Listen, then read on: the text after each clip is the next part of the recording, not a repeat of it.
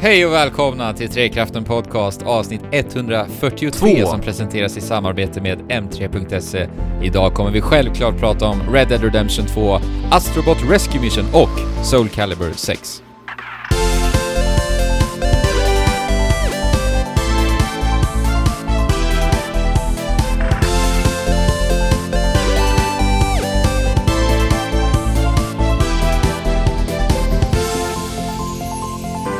Howdy! Och välkomna, säger vi väl. Ja, det Vad- gör vi väl. Vad Vi gör väl icke, det. vad icke cowboyiskt det där lät. Alltså, jag kan... Är det någon här som kan göra ett cowboy howdy? Howdy partner. Riktigt såhär red, red, redneck eh, accent. Nej. Nej, alltså, det, ens- blir, det blir oftast pinsamt att försöka. Det Ja, men kan du, kan du försöka Alex? Jag tror att du klarar det bäst. Howdy how. Vi kör på den. Eh, Kör på alltså det. jag, jag försökte faktiskt eh, göra ett sådant här JH-läte här när jag fick spelet här i fredags. Red Dead Redemption Aha. 2 såklart. Men sen, sen insåg jag att shit, hur säger man JH? På det cowboyiska sättet. Och då var jag tvungen att kolla upp på Yeehaw. YouTube. Aha. Och det Och? var väldigt, väldigt svårt att imitera det. Äh. Ja, men hur imiterar du då? Nu måste du ju köra. Det ska vara jättehög pitch på J. Jättehög Ja, pitch. kör då. Och sen ska howet vara ganska så här abrupt och nästan lite, lite hårt på något vis. Alltså du kan ju dra Ja, ett men- J här istället för att sitta och beskriva hur ett J Okej, här jag ska ska låta. prova. Jag ska prova. Yeehaw! Så ja.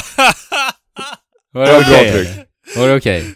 Ja, nu fattar jag ju mer vad du menar. Ja, nu fattar jag vad du menar. Nu är jag tänkte jag hade någonting annat i, i huvudet faktiskt. Ja. Men, eh, Ja, men, eh, ja okej. Men så var det.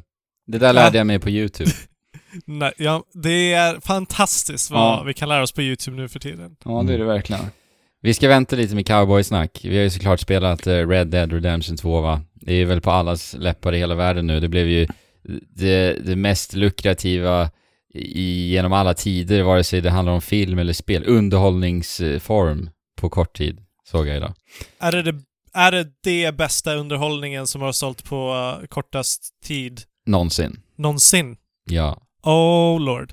Men Mm. ja, alltså den fredagen då det släpptes, jag, typ alla jag såg på stan hade en Red Dead med sig. Och Ja. jag, ja. Och till och med du ju nästan med i det här Fabian. Vad sa du? Du drogs, drogs ju lite med i den här uh, ja, cowboypeppen. man märkte jag, det. jag var ju väldigt, väldigt förvånad för du började skriva i våran chatt och så här, Hur är började det? fråga om spelet och bara så här, men Fabian, du, du är inte intresserad av det här spelet. Men Ja. dras du med av cowboypeppen nu? Nej, vad var, alltså, vad var det som ju- hände där Fabian? Kan du berätta lite? Jag var aldrig intresserad av att spela spelet, för att jag vet att det inte är ett spel för mig. Ja. Eh, men, efter att jag såg lite så här eh, vad Rockstar har gjort med spelet, att det är så sjukt mycket detaljer som vi kommer prata om senare, så blev jag intresserad av om Andrew tyckte att det var bra. Men eh, vi kan ta det här sen när vi pratar om spelet i sig. Ja, Ja. jag bara undrade ifall du ville spela, eh, ifall du var spelpepp eller inte, men det vart du inte alltså. Jag vart inte pepp, men jag vart intresserad. Nyfiken på, på vad spel... nyfiken Ja. på vad, vad, vad som händer. Och det, det är väl med all rätt, skulle jag säga. ja, det tycker jag. Absolut. Man blir nyfiken. Ehm, hur står det till med då, mina cowboys? Eh, ja, men eh, jag har precis genomgått ännu en tentaperiod.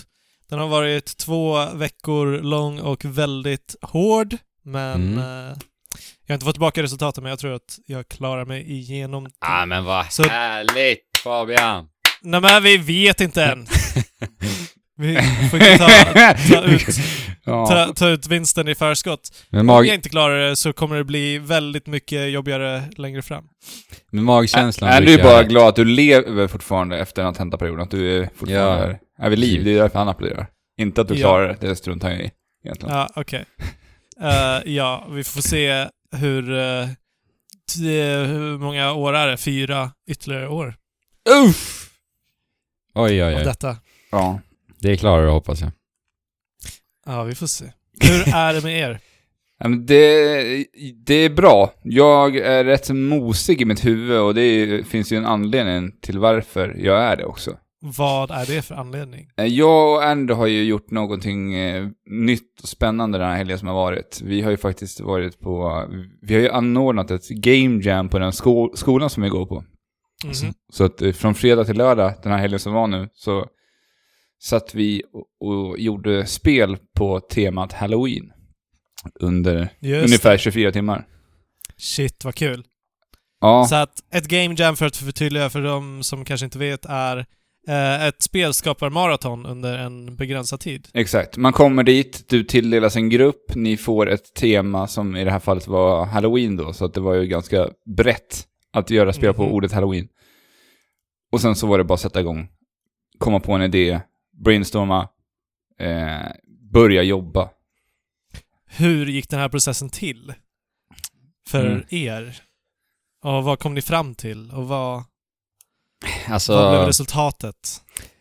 Det är säkert jättemånga som undrar, jag undrar ju också. Ja. Jag skulle undra att de inte visste. Alltså vi, vi i vår grupp började bara så här lassa upp massa post-it-lappar på ett ord som var så här eh, ord som vi kopplar till halloween. Ja. Sen började vi sålla bland de här orden och vi fastnade på ordet toarullar.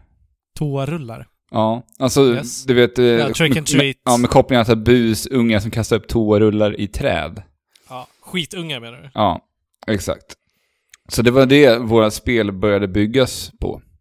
Och Mm. i slutändan så vart det då något slags tennisspel där man spelar som två stycken träd som inte vill ha toalettrullar på sig, för det vill ju inte träd. De vill ju... Ah. De Makes vill, sense nu. Nej, det är klart. nej, så de skickar ju toalettrullar mellan eh, varandra då och spelar tennis med dem. Så det är ett, eh, tennis, ett tennisspel med halloween-tema. Men var kommer rullarna ifrån? Är det barn som står och kastar dem liksom Ja, eller hur? frenetiskt Ja, hela tiden? Det är det som vi inte hann få till, för att eh, tidsbristen eh, gjorde ju att vi inte hann. Så att eh, nu kan man bara trycka på knappar och spåna in mängder av toalettrullar istället. så, Så, så att det här var egentligen trädtortyr. Barnen torterar ju stackars träden då. ja, ja. Genom att kasta in Men- de här. Mm. Men det här är ju läskiga träd. Det är inga träd som helst. Det är inte ett träd som du ser på en blomsteräng en eh, vacker sommardag. Nej, det är ju typiska Utan- halloween-träd med riktigt, eh, riktiga skräckinjagande ansikten på. Så. Ja, så kan det inte vara så att ungarna bara är skiträdda och det enda de har är oändligt med toapapper. Som Så är anledningen till varför de kastar dem. Det kan det vara. Ja, men min upplevelse var väl lite samma ändå. Alltså, jag märkte ju att det här är första gången för mig. Jag är på ett game jam. Det var väl det för dig också, Alex? Ja. Så jag märkte att det handlar egentligen i stort om att bara göra någonting. Alltså, Ja, pang precis. på. Strunt i... Alltså lägg inte så mycket tanke, utan bara kör. Och sen så Ja. blir det vad det blir. Och sen så får man ju utveckla vad det är under tiden. Så det, i början så handlar det bara om att liksom komma igång. Eh, och det gjorde vi ganska snabbt. Vi fick en idé liksom. Och så körde vi på det. Jag personligen tyckte inte att idén var superstark, liksom, ifrån start. Men det kan man ju inte, det kan man ju liksom inte göra någonting åt i sådana här tillfällen. Det är det jag menar. Men det var jätte- jätteroligt och ja, alla i min grupp var väldigt drivna. Och eh, ja, det slutade med att vi vann hela skiten. Nej! Grattis, grattis! ja, så uppenbarligen så hade ni ju någonting där, även fast du inte tyckte att det var så roligt. Ja, eller alltså inledningsvis som sagt. Ja, okej. Mm. Men du vart ändå nöjd med det ni gjorde? Så här, när du... Ja, alltså särskilt... på det Särskilt när jag har fått reflektera liksom en dag efter. För jag, jag pratade ju med dig, med dig igår Alex. Mm. Att, för då spelade jag spelet eh, The Final Build. Ja. eh, och då var det så här, shit, det är häftigt att du lyckades få ihop det här på 17 timmars arbete på fem personer liksom. ja, det är, Mm. det är rätt mäktigt att se vad mycket man kan göra. Ja. Och sen är Ja, det ju som, som du säger också, man får ju sånt här, man får ju sånt enormt tunnelseende när man sitter och jobbar. För att ni var ju väldigt Mm. snabba med att få upp en grundmekanik som ni kunde börja sitta och pilla med redan, på lö- redan där på lördag kväll. ja, precis. Eh, det hade inte vi. Vi började så få till våra mekanik så här, sluttimmarna på söndagen innan vi skulle presentera. Vi bara fuck, vi får ingenting att funka, vad gör vi? Så vi började bara lägga in mängder av dumheter i spelet istället. Bara för att göra en rolig presentation och få folk i publiken att skratta under presentationen. Mm. För då tänkte jag så här, det är bättre att göra det här än att visa upp ett spel som inte går att spela. Mm. Ja, precis. Och det gick ju hem. Vi vann ju kategorin roligast presentation. Liksom. Så. Ja, men det, Ja, men det förtjänar ni. Ja. Eh, Men jag kan Ja. ju be- berätta lite, lite snabbt bara vad vårt spel var för om det är någon som är intresserad. Eh, Mm. Det, är en sidoskrollare där kameran eh, rör sig automatiskt så att du måste själv då flyga igenom den här banan med kameran så att du styr inte kameran helt Det är en enkelt. så kallad autoscroller. Tack så mycket. Eh, och eh, sen så har du fri kontroll över ett spöke som alltså svävar eller flyger då. Och eh, det här spöket håller i en sån här, eh, vad heter de här, vad heter sånt här vapen? Uh, Eh. slägg, ehm, typ kedjeslägga eller... Ja, Um, um, mace. chain, chain mace. Chain... Vad heter de? Vad heter det? Men alltså det är ju en, eh, en ett sten, stenbumling med spikar och kedja. Ja. ja, och kedja. Helt enkelt. Jag tror att eh, lyssnarna i alla fall förstår vad vi menar va? Ja, vi Eh. hoppas det. Och det här spöket då håller i den här, det här vapnet och Flail. Flail, så heter det. Och då ska, ska man då använda helt enkelt lite fysiken då. För att eh, ta skada på fienderna. Så du liksom f- svänger, om, flingar omkring kring med den här kedjan. Vaggar in Ja. den i, i finerna liksom. Ja, precis. Och det är baserat på hur du rör dig. Och sen så finns det gravitation ner för släggan, men inte för spöket. precis. Om man vill prova det så hojta till. kan vi fixa Nej, det. men vadå? Kan du inte lägga upp, upp länken på... Uh, Ska jag göra det? Ja, men det kan jag göra. Det är för Ja, de som vill. det för ja, för de som vill prova det. Det är 17 timmars arbete, fem personer. Jag har gjort spel i tre, fyra veckor, så... ja. T- Ja. Tänk på det alltså. när ni spelar det liksom. Men jag måste ändå säga till de som är intresserade av att göra spel, som lyssnar på podcasten. Får ni Mm. möjligheten liksom att gå på ett game jam någon gång, så tveka inte att gå, för att det fanns flera stycken som aldrig någonsin har gjort spel tidigare, som liksom bara har suttit hemma och ritat eller pillat med eh, spelmotorer på hobbynivå. Ja, jag hade två sådana i min grupp. Ja, alltså jag kan verkligen rekommendera att gå på Game Jam om ni har den möjligheten. För att det är en svinbra möjlighet att bara så här lära sig nya grejer och träffa folk som delar i samma intressen. Ja. Ja. och i, i de allra flesta kreativa processer så handlar, så handlar det väldigt mycket om att göra saker mer eller mindre färdigt och gå vidare till nästa sak för att Ja, kunna, precis. Mm. Kunna lära sig nya saker och inte haka upp sig på, på detaljer.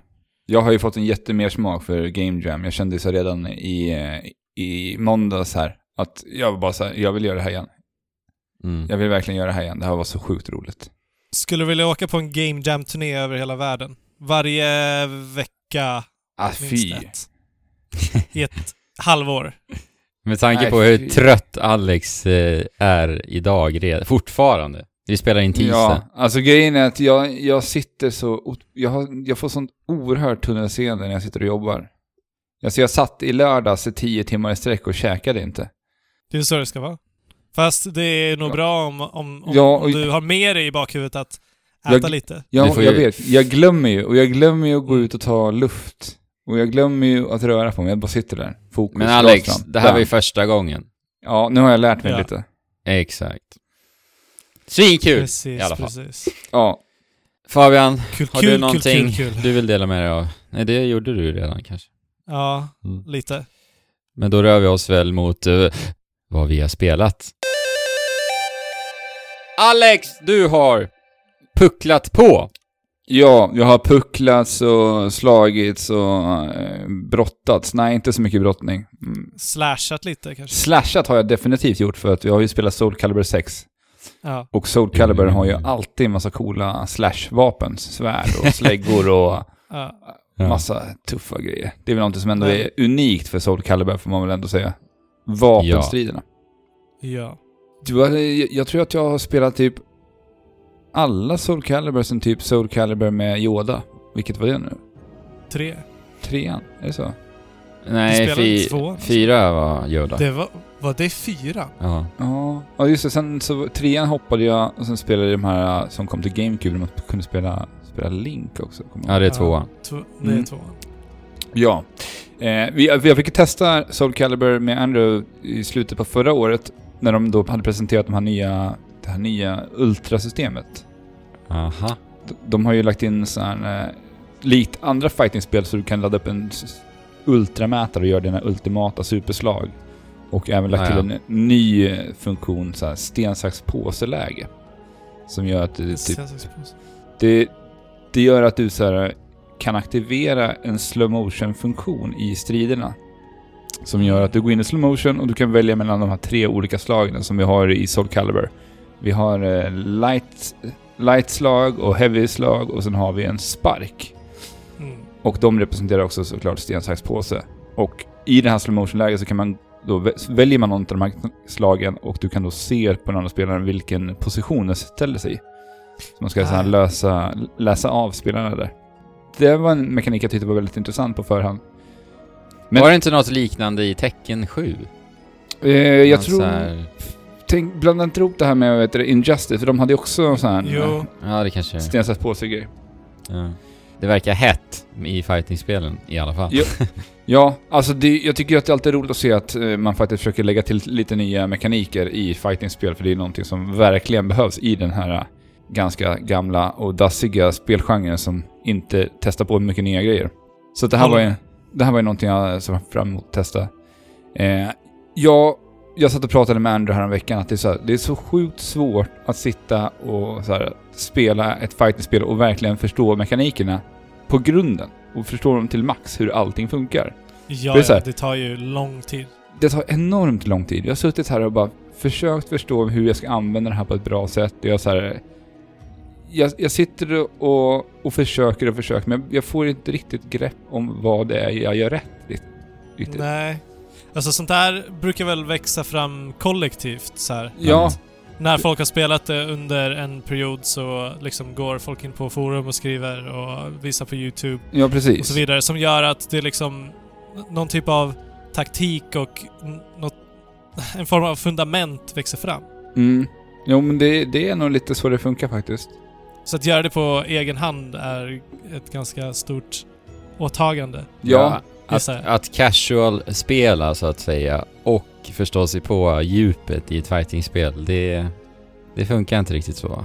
Nej, alltså jag har ju kommit på en sak nu som jag ska göra framöver när jag ska spela fightingspel. Då vill jag gärna kolla med någon av er att vi kan sitta och spela dem tillsammans. För det är nog det absolut bästa sättet att lära sig Mm. fighting och faktiskt njuta av fighting. Och det är någonting jag har lärt mig av när jag har spelat Soul Calibur 6. Jag, så här, jag tycker att det här spelet är skitroligt. Alltså fightingen är Mm. verkligen svinbra.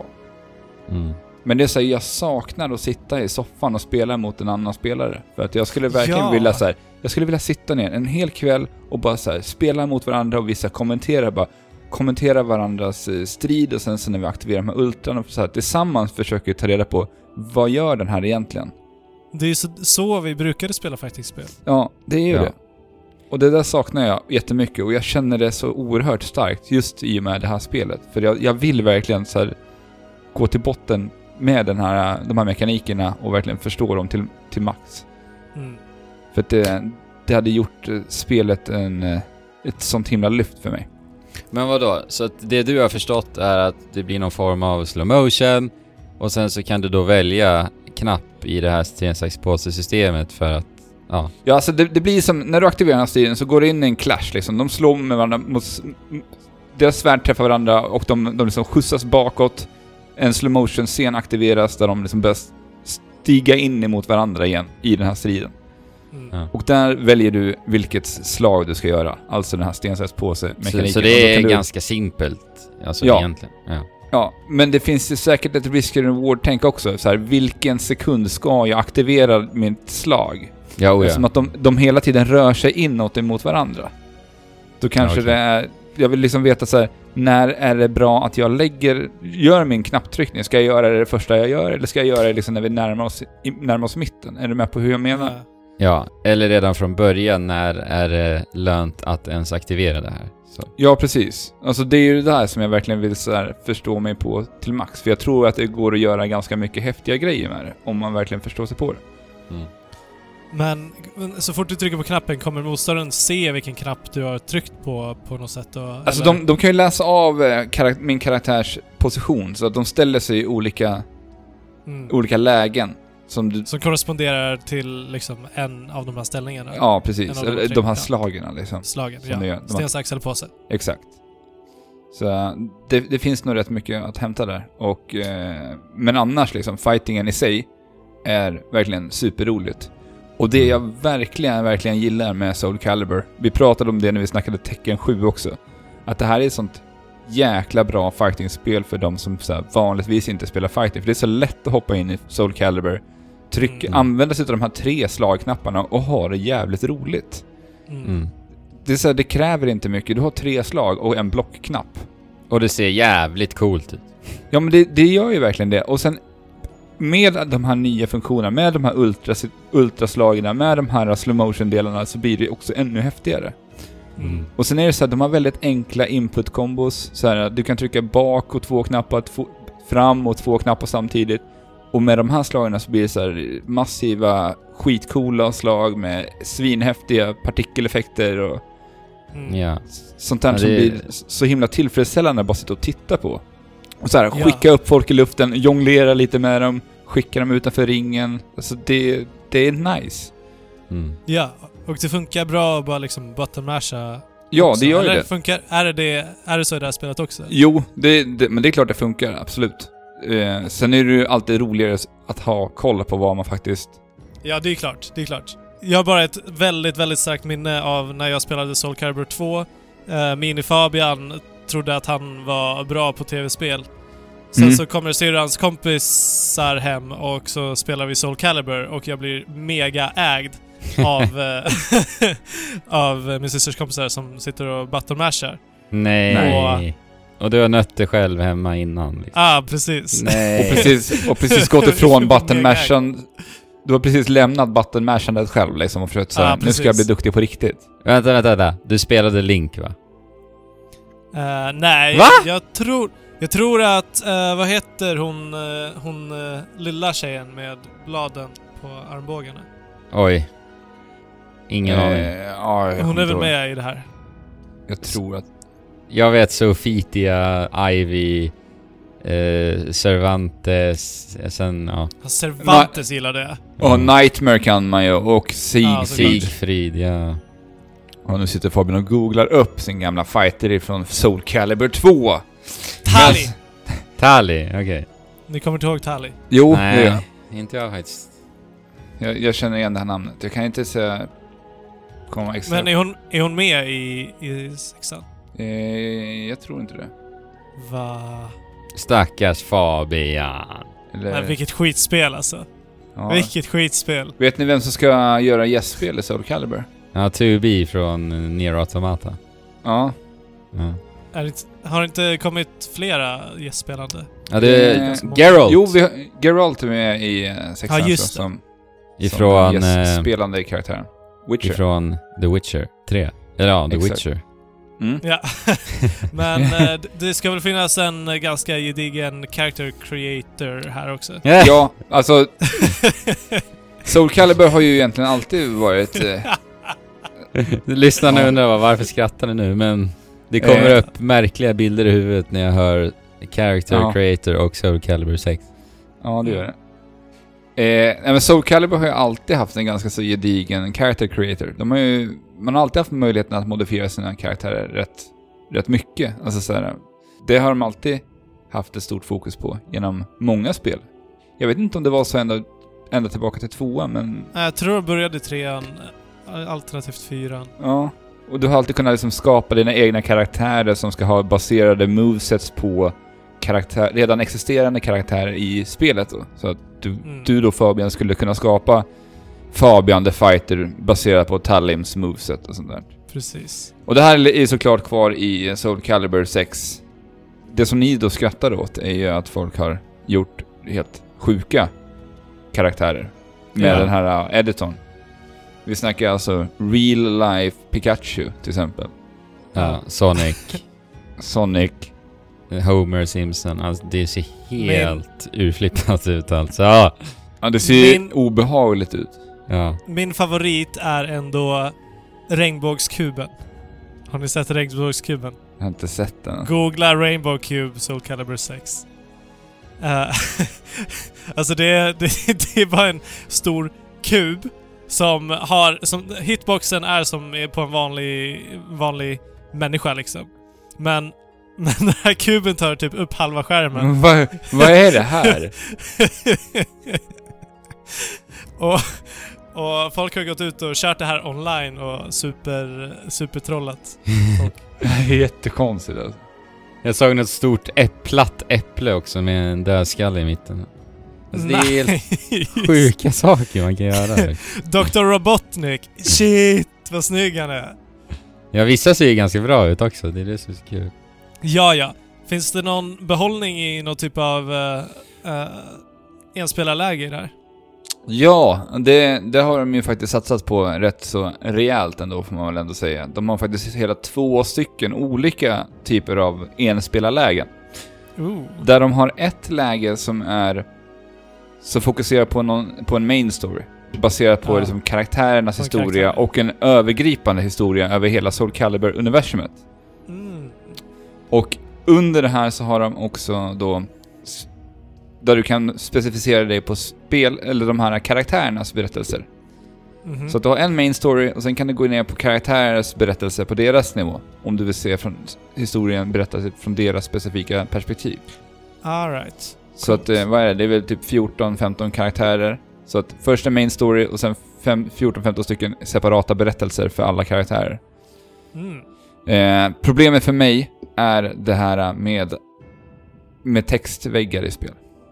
Ah. Det har vi pratat om rätt så mycket, vad vi tycker om det.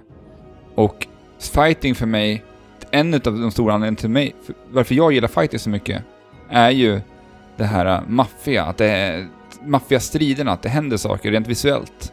Och det är ju någonting Mhm. jag saknar så mycket i, i ett berättande i ett fightingspel. Då vill inte jag ha textväggar som, som så här, att jag ska sitta och fantisera och lägga till alla de här coola berättelserna i huvudet. Jag vill ju ha Nej, dem precis. presenterade för mig liksom rent visuellt.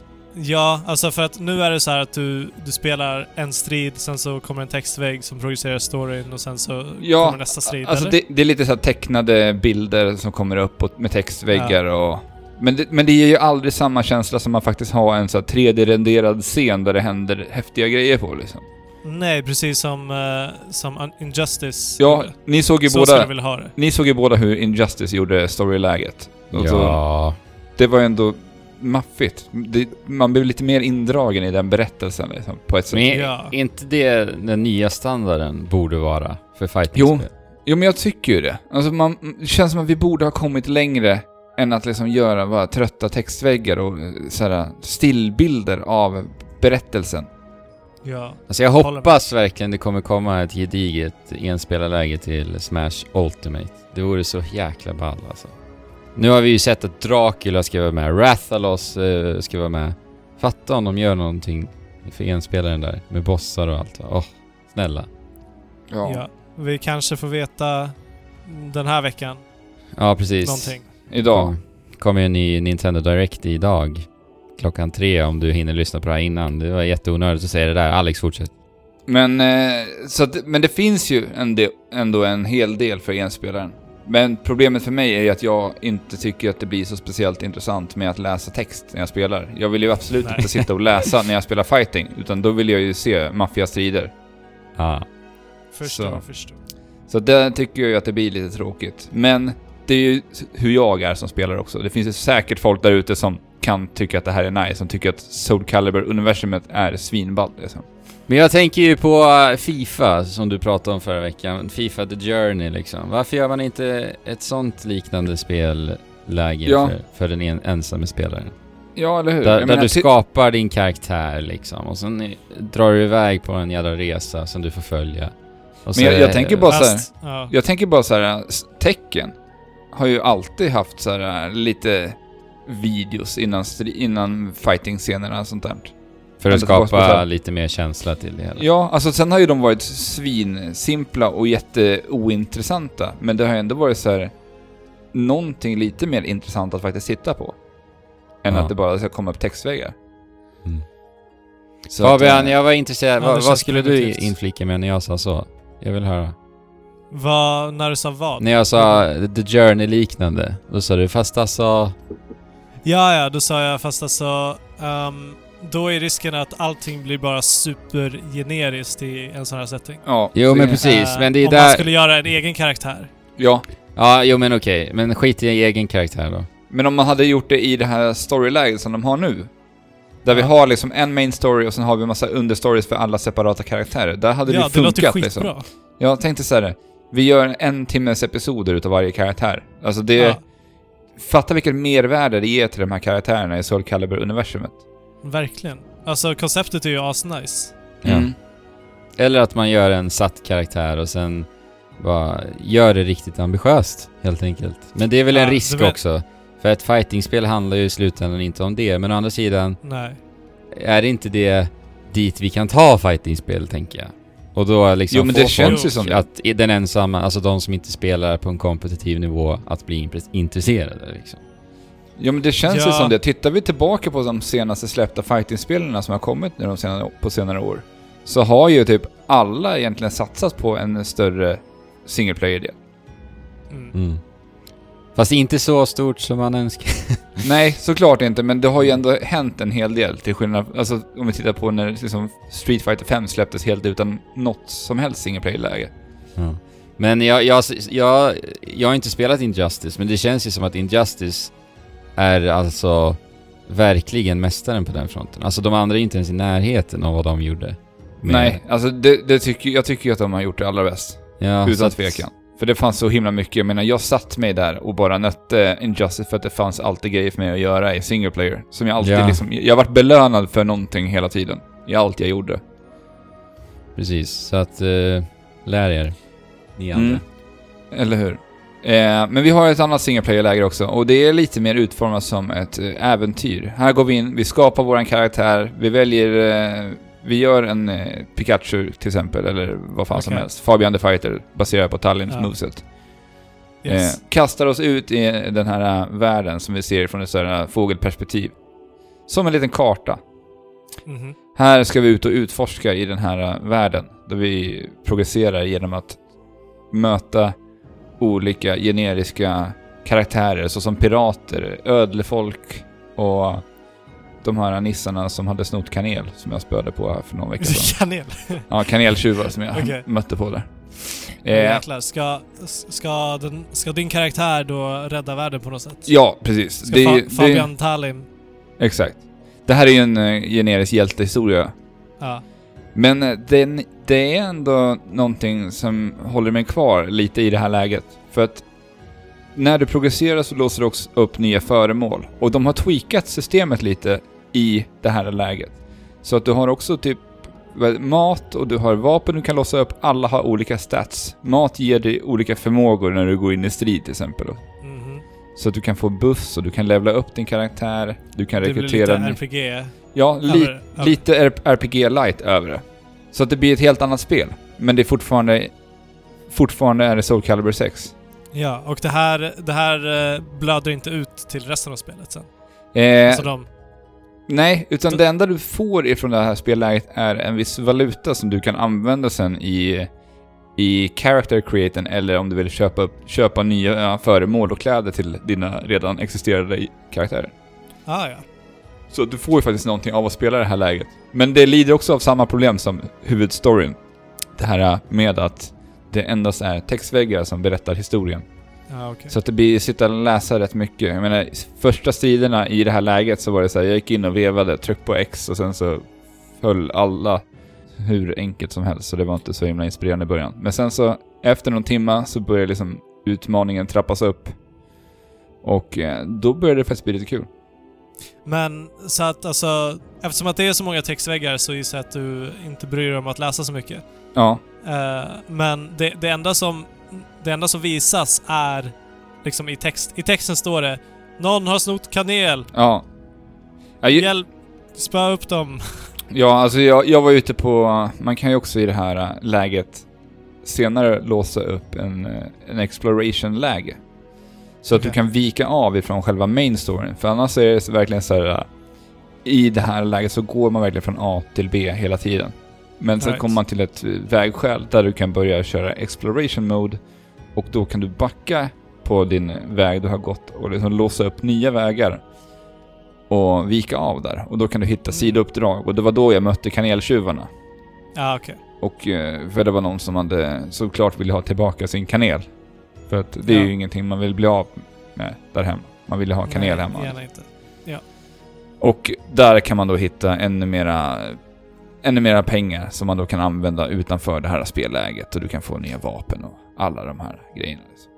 Men är det välgjort då? Alltså jag tänker att typ så här pirater och vad du nu sa, eh, ödlemän. Mm. Mm, är, det, är det liksom fantasifullt och bra gjort Det som på jag den fronten? Eftersom att char- character creatorn är så, så användbar, vad heter det, versatil. Ja, alltså det, Eh. jag tycker att det funkar väldigt bra på det sättet faktiskt. Alltså de här piraterna som jag mötte, de är så här, de är ju supergeneriska. Men det, det Mm. coola är ju att de är gjorda i character creatorn. Ja, precis. Så att all, alla karaktärer du möter har ju, de är ju sån himla bredd på i hur de ser ut. mm. Och det är ju skithäftigt att se. Och det skapar ju också så här äh, lite tankar om hur man faktiskt kan utforma sina framtida karaktärer man skapar i spelet. Ja, just det. För du kan ju spela, du kan ju skapa, jag tror att det är typ så här mellan åtta olika typer av raser. Du kan typ vara cyborg och ödlemänniskor och alla möjliga typer av raser som du väljer då i creatorn. Så det finns ju en bred eh, variation där. Men eh, det här läget är ju bra mycket roligare än själva main story-läget tycker jag. Det, det känns som att man får tillbaka mycket mer som spelare att, eh, när du progresserar framåt. Och att du levlar upp och du får föremål och rekryterar nya soldater till ditt lilla posse. Alex! Ja, Vi måste börja röra oss vidare. Jag, jag säger att du får inte prata mer Soul Calibur 6. Nej, men eh, alltså jag tycker Men att online-läge det... måste Eh, du ta upp.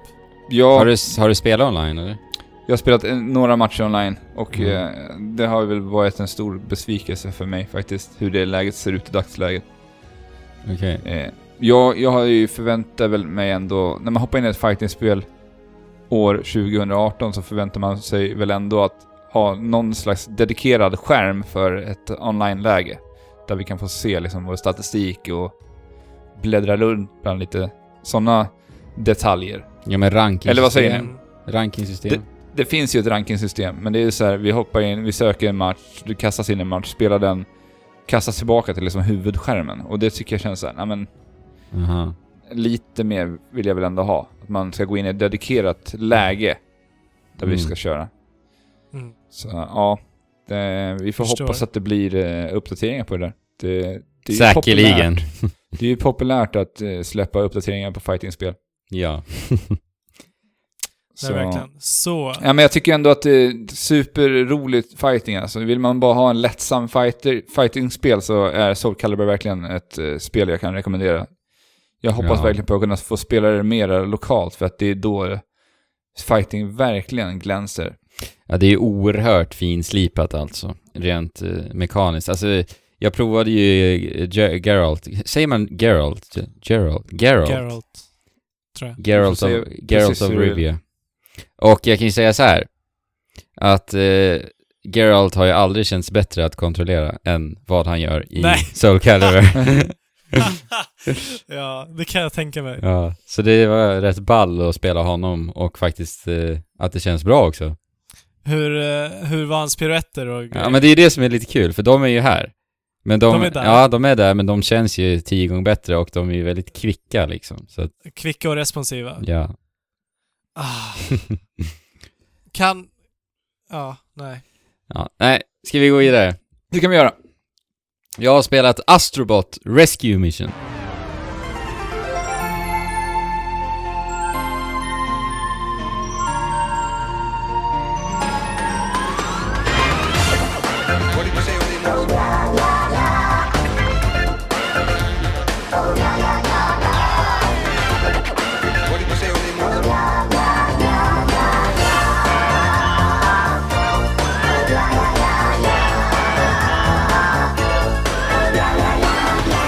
Väldigt, väldigt otippat det här.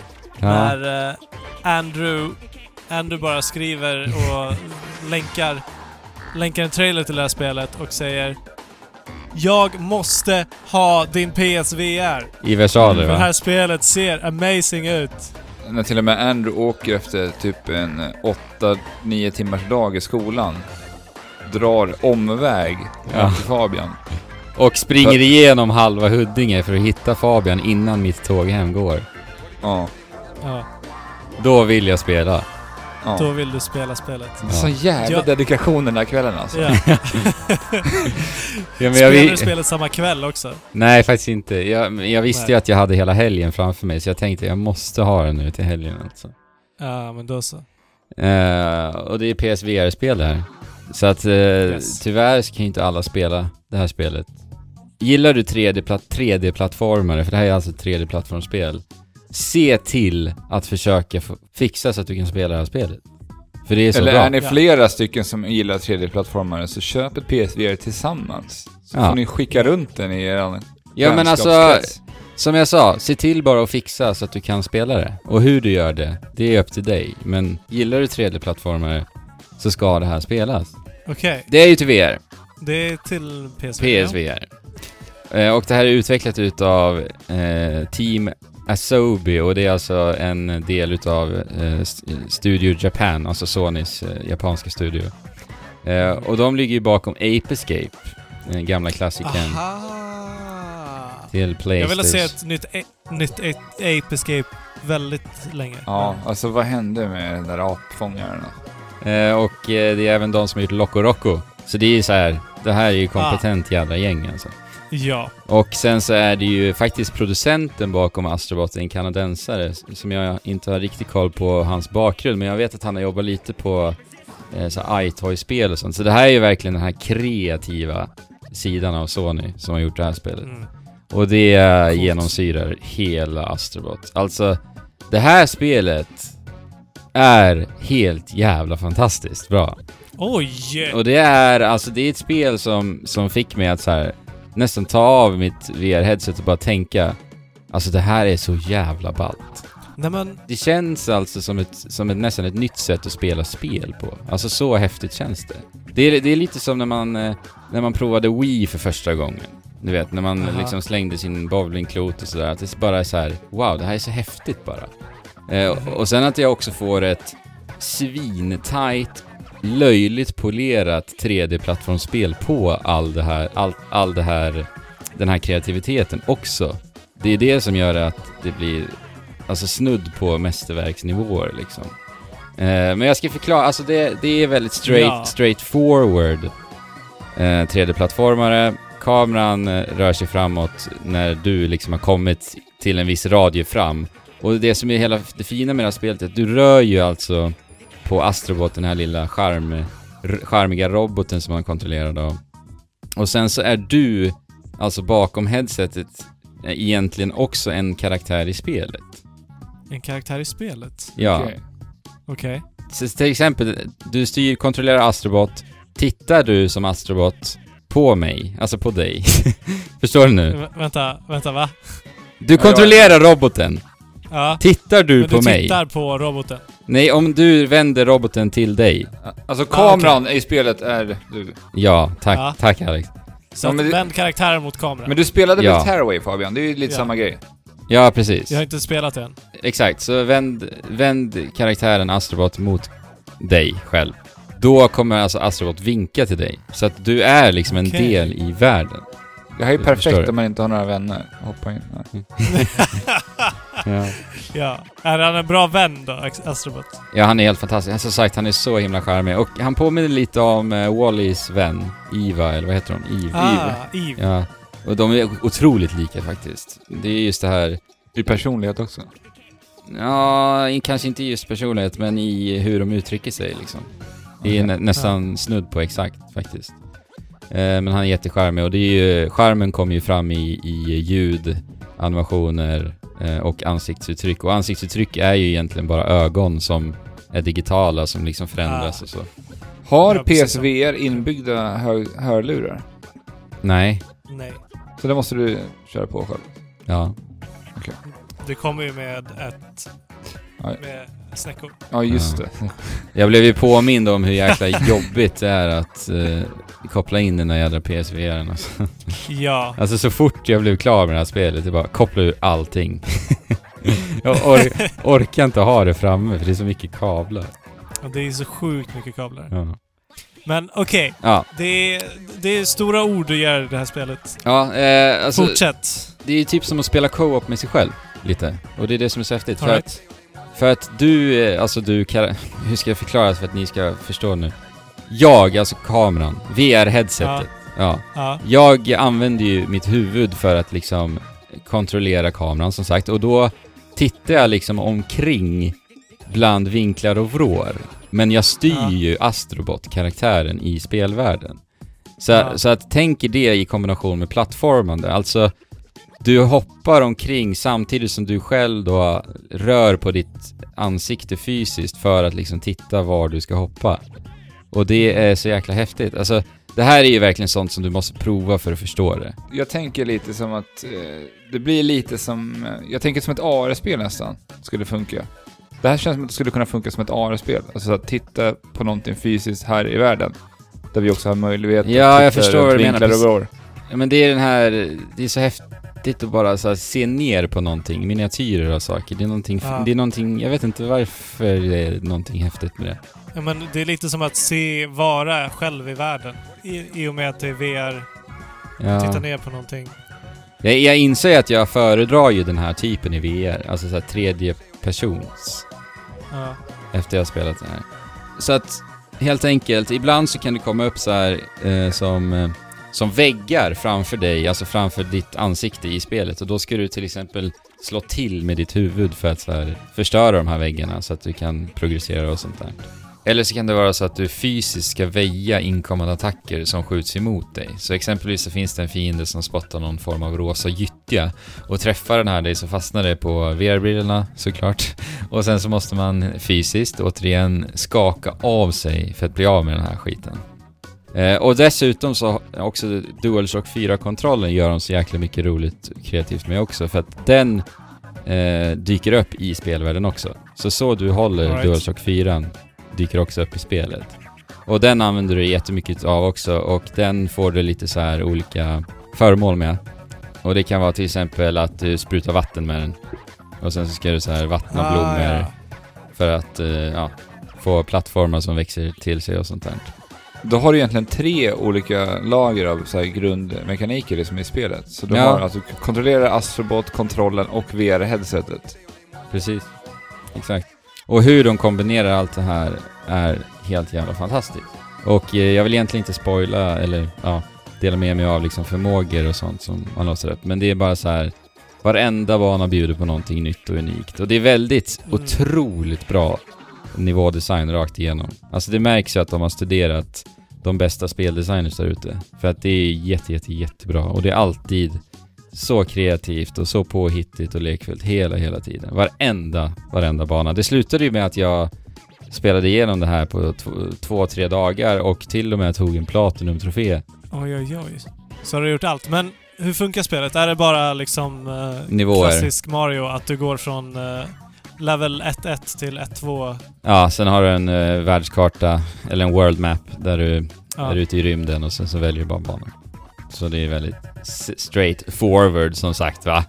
Jag kan väl känna någonstans att det kan sakna lite utav den här eh, bemästringen över dina rörelser eh, till skillnad från till exempel Mario-spel. Alltså, Mm. det är inte så mycket finess i, i eh, själva eh, Okej. Astrobot-karaktären som du styr. Utan det är hopp och dubbelhopp, sen svävar man lite som så här jetpack-liknande. Eh, så. Men, känner, är mer- känner du att upplevelsen tar skada av det? Eller Nej, det gör jag ju inte. Faktiskt. Men jag kan väl känna någonstans att, att eh, just plattformshoppandet i sig inte utvecklades. Men det var ju mekaniker kring det som ändå Mm. höll det och höll mig engagerad rakt igenom. För, för att alltså när du berättar om det låter det som att den kan vara en stor, stor bredd på variation liksom i, Ja men i det är det ju. spelupplevelsen. Ja. Och det kan ju också väga tyngre ibland i vissa upplevelser. Ja, precis. Ja. Väldigt kreativt och påhittigt. Mm. Låter som att det är också. För att alltså, anledningen till att jag tar upp Mario, det är för att jag tycker att det här spelet är på den nivån. Alltså det är ett helt jävla fenomenalt bra plattformsspel. Och det är så här Nintendo-polerat brukar man ju säga. Ni vet ju hur Nintendo liksom polerar deras spel. Och jag tycker verkligen att det här spelet är så pass polerat alltså. Men om vi sätter upp en liten plattformstapel här, där vi har eh, Nintendo i toppen, som är högst, och sen så har vi eh, under den så har vi Hat in Time, som vi, ett spel som vi hyllade väldigt stort förra året. Mm. Ha, vart sätter du här? Är det, är det mellan de här två då eller? Ja men det skulle jag säga, det är ju bättre än A Hat in Time, det tycker jag. Men å andra sidan, det här är ju sin egna lilla grej. Alltså jag vet inte... Det Det är te- inte riktigt plattformande, utan det är mer typ så här lekfullt utforskande. Eller? Ja fast det är mycket plattformande, det är det faktiskt. Okej. Är det. Men eh, det, det, det här spelet gör så mycket som inte är möjligt med de andra spelen om man säger så. Mm. Alltså det är otroligt unikt just för hur mycket VR-plattformen tillför. Alltså det här spelet hade ju inte varit så fantastiskt utan VR. Det hade det ju inte. Jag, jag tycker ju att det är kul att höra det för att eh, med Oculus, tror jag det var, så lanserades ju det här spelet Super Lucky's Tale. Eller det hette väl bara Lucky's Tale då i början. Precis. Mm. Och det var ju ett spel, ett väldigt mediokert plattformsspel som jag spelade när de släppte det till Xbox One och de hade tagit bort VR-stödet. Mm. Det var ju så här, det, det hade ju inte blivit en bättre upplevelse av att vara VR. Nej. Nej, precis. Men, men det här låter ju verkligen som att de, de faktiskt har tittat på vad, vad man kan göra med VR. Och det har ju varit det absolut största problemet med VR för mig. Alltså jag, jag har inte rört min Vive på typ ett år nu. Mm. Nej, men utvecklarna har ju liksom inte tagit tillvara på allting som man kan göra med VR Mm. eh, än så länge. Eller det finns säkert många spel där ute som gör det nu.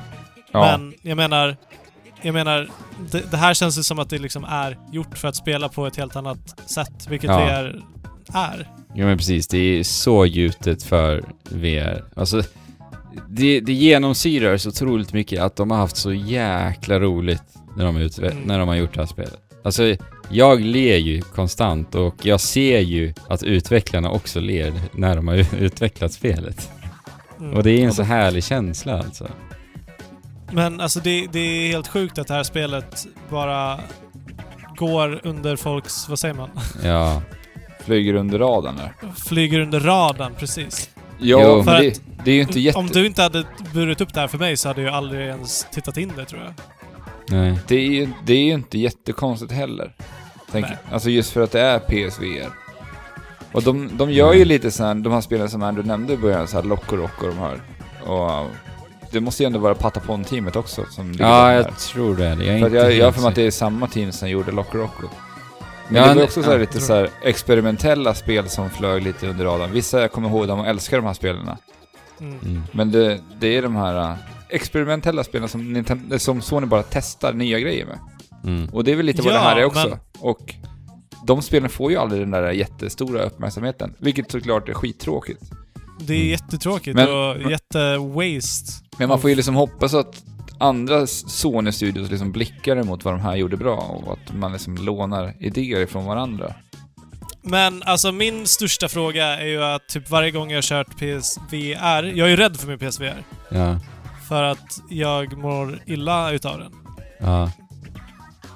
Mår illa av att spela Astrobot Rescue Mission. Nej, alltså du vet ju att jag har samma problem. Ja. Det fanns en bana i spelet där jag började må illa. Och det var en sån här, tänk er Donkey Kong, de här min minecart-banorna. En, Ah. en sådan. Som, som förvisso var jättehäftig, rent eh, spektakulärt, alltså spektakulärt visuellt jätte, jättehäftig. Men eh, jag mådde illa för att det gick ju, ja, det gick på räls. Och det är då jag Fick mår du ta en illa. paus? Fick du ta en paus efter? Ja, jag slutade spela faktiskt efter det. Eh, men eh, som jag sa i, i, när jag började prata om det här, jag tror det blev ganska otydligt, men jag styr ju alltså Astrobot. Eh, jag, Yes. jag är kameran. PSVR-headset är kameran. När Astrobot rör sig Yes. framåt så finns det ju en radie där fram, där jag också följer med Astrobot, förstår ni? Så att kameran rör ju sig Ja. när Astrobot, karaktären i spelet, är vid den här radion och rör sig framåt. Så att jag kan ju inte styra när kameran rör sig framåt. Nej. Så att det, hela spelet är ju som en enda räls rakt fram, helt enkelt. Men det är uppdelat och när du rör dig till, till nästa segment så är det på ett sätt som gör att du inte mår illa. Ja. Mm. Precis. Ja, det, det är så jäkla häftigt alltså. Plattformshoppandet blir ju så himla enkelt och det är så lätt att avväga alla plattformar just för att du är i VR och du ser ju det här 3D-djupet. Eh, Det var ju en eh, på vår Discord som, som skrev så här, ja jag såg någon eh, YouTuber som sa eh, det här känns som ett Mario 64 VR.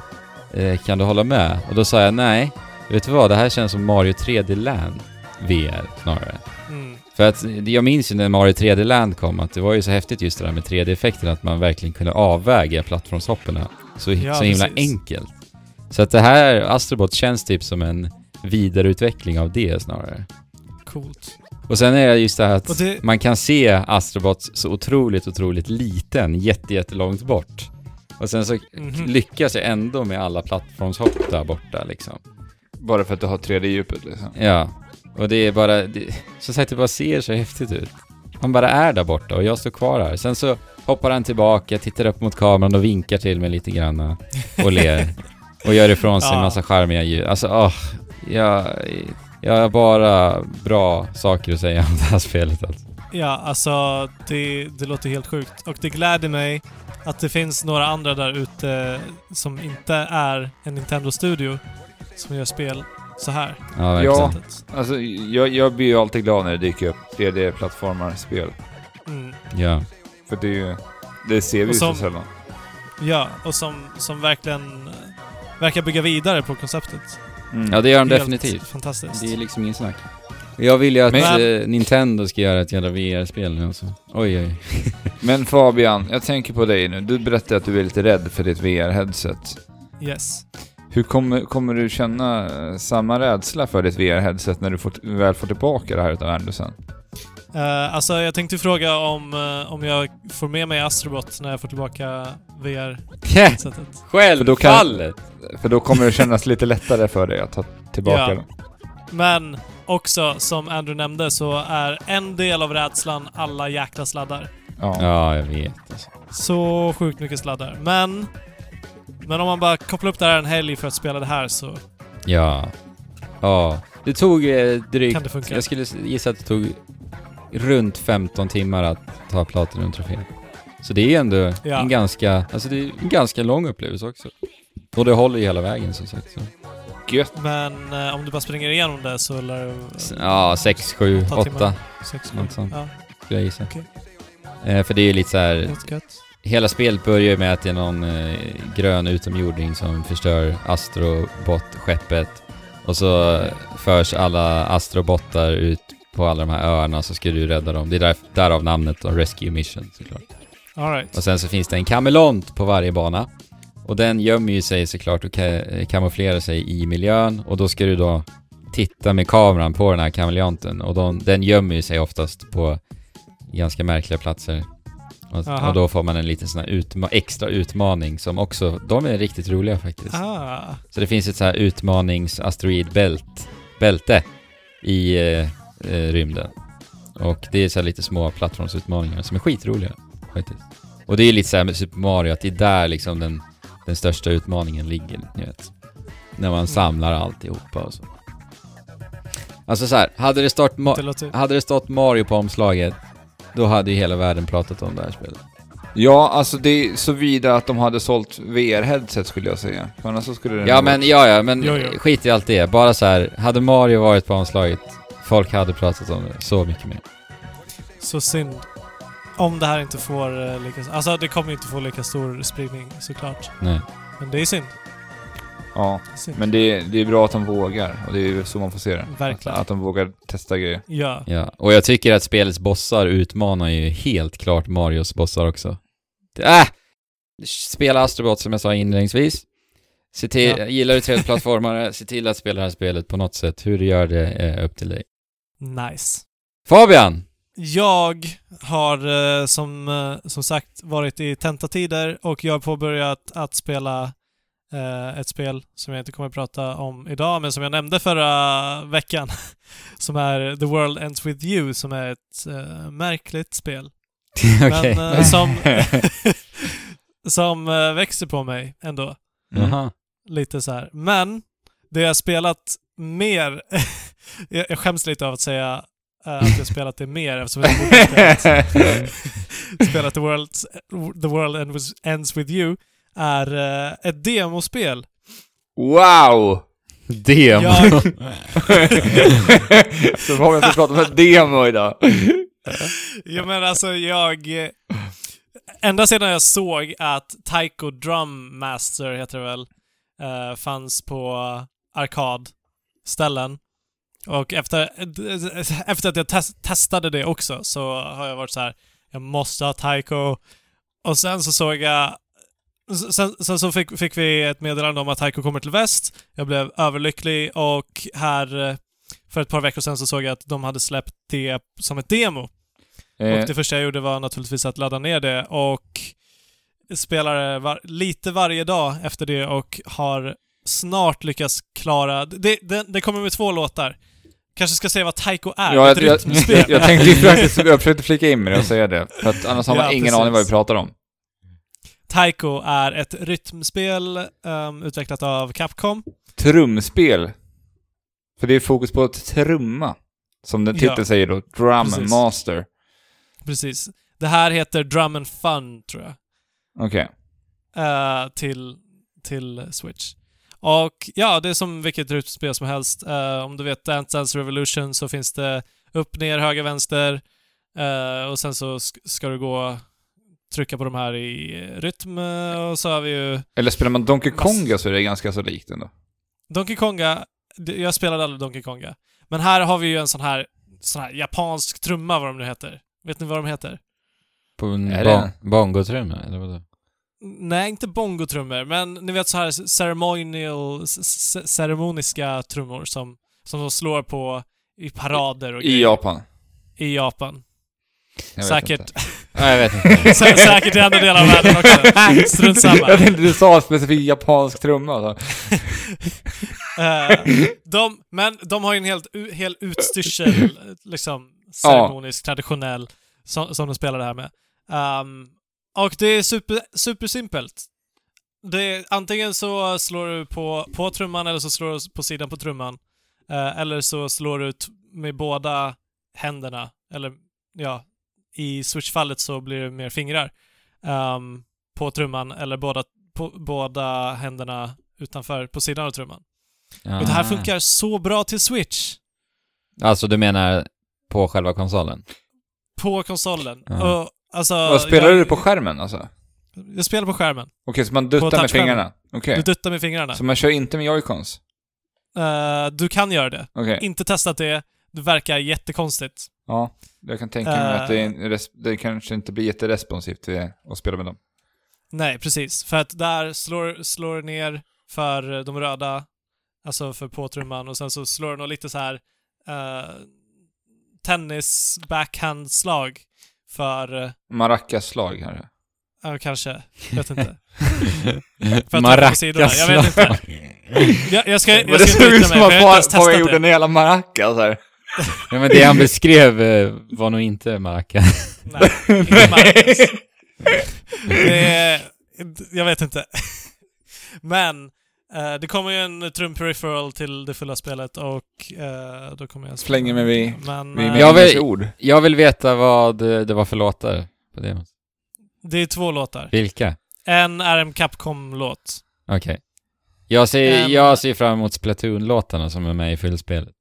Ska det vara Splatoon-låtar med i fullspelet? Ja. Ja, de ser jag också väldigt, väldigt mycket fram emot. ja. nu när du säger det. Nej men, eh, det, det är bara någon uh, jättesöt. Det här spelet är ju sockersött.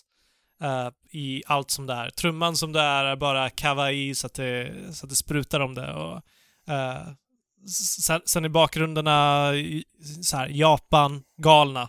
Mm. Alltså jag älskar det. Och alla ljud och allting. Hela inramningen är helt fantastisk. Rytmspel är alltid kul. När kommer det här spelet? Fullspelet? Det är, det är ganska I snart va? november. Det är typ uh, andra november tror jag. Så att Wow. kanske... På fredag. Ja. Jag, är, jag- ville spela det jättemycket. Jag älskar det verkligen, arkadspelet. Jag har spelat det en gång. Har du bara spelat en gång? Ja. Det är skitroligt alltså. Men det, det är ju viktigt Jag att ha själva trumman. Jag ska köpa hela trumman. Ja, för den, det känns ju som att det är halva spelet. Än att sitta och dutta på en skärm liksom. Ja, det är halva spelet. Jag gillar den här jag. Fast- stora, tjocka trumpinnar man får där man spelar på arkad. Mm, Ja, ja. Eller alltså, när, när jag spelat på arkad så har det varit väldigt varierad kvalitet på de tjocka trumpinnarna, vilket kan förstöra upplevelsen rätt mycket. Ja. Eh, men precis. Det kommer 2 november, så på fredag. Och mm, det funkar bra att köra på Switch-skärmen. Så att det, det, här ger ger ju bara ännu mer behållning till det här spelet på samma sätt som många eh, spel får eh, mer behållning på Switch-konsolen. Det är bara att ta upp, plugga in hörlurarna och Trumma, Trumma på iväg. bussen.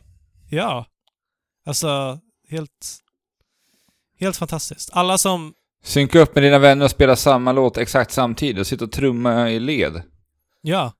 Mysigt. Super, supermysigt. Alla borde ladda ner det här demot. Även de som inte... Nej. gillar du... Gillar du... Vad heter det? Oändan. Rytmspel så, Mm. så är det... Taiko Dramasta! Precis. Gött! Men jag kommer ju prata mer om det här när jag har fullspelet. Det var inte meningen att jag skulle dra iväg så här mycket på bara ett demo. Men... Ja, men då, Sorry! då trummar vi oss vid- vidare till eh, vi- vilda västern då. Eller vad säger du Alex? Vilda värsten. Ja, Wow, wow, wow. wow, wow, wow. Wow, wow. Wow, wow. Jag vet inte. Wow, wow, wow. Wow, wow. Då så Alex! Då har vi varit i vilda västern en sväng och hälsat på. Vi har ju tjatat om det här spelet ganska mycket det här året, att vi ser fram emot det så jädra mycket, du och jag Alex.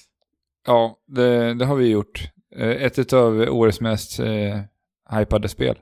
För Ja. eh, oss och många andra uppenbarligen. Eftersom att det har gått Så bra. oerhört bra. den här första helgen för Red Dead Redemption 2. Inte bara försäljningssiffror utan även blivit eh, kritikerrosande också har vi ju sett. Ja, det är mycket som, må- många som har skrikit eh, 10 av 10 där ute i spelkritikervärlden. Det är det 10 av 10 spelet alltså? Ja, ja. Jag Det- trodde det var det som fick dig att bli nyfiken. Men vad är det egentligen de gör de där, Rockstar?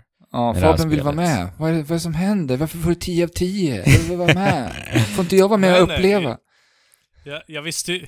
Självklart visste jag att det var superhypat, men sen läste jag lite artiklar om det och det var intressant. Ja. 97 ligger det på Metacritic just nu. Så. Ja. Jävlar! Men kan vi inte göra så här Fabian? Kan inte du liksom leda oss in i det här pratet? Var ska vi börja? Vad vill du veta, så att säga? Vad är du mest Okej. nyfiken på? Uh, nej men vi kan ju börja med, så, hur, hur relaterar det här spelet till, till John Marston? alltså det här är en prequel. Det är en prequel Så att, till eh, Red Dead 1. det är precis Red Dead Redemption 1, så att tvåan efteråt är ju lite missvisande egentligen. Ja, Det här är det som hände innan va? Eh, ja okej. Och eh, vi eh, är ju en del utav Vanderlind-ganget. Ganget, gänget. Eh, och vi vet ju om vi har spelat ettan, och det antar jag att många har gjort där ute, så vet vi att John Marston var ju en del av det gänget. Men nu spelar vi inte John Marston utan vi spelar Arthur Morgan.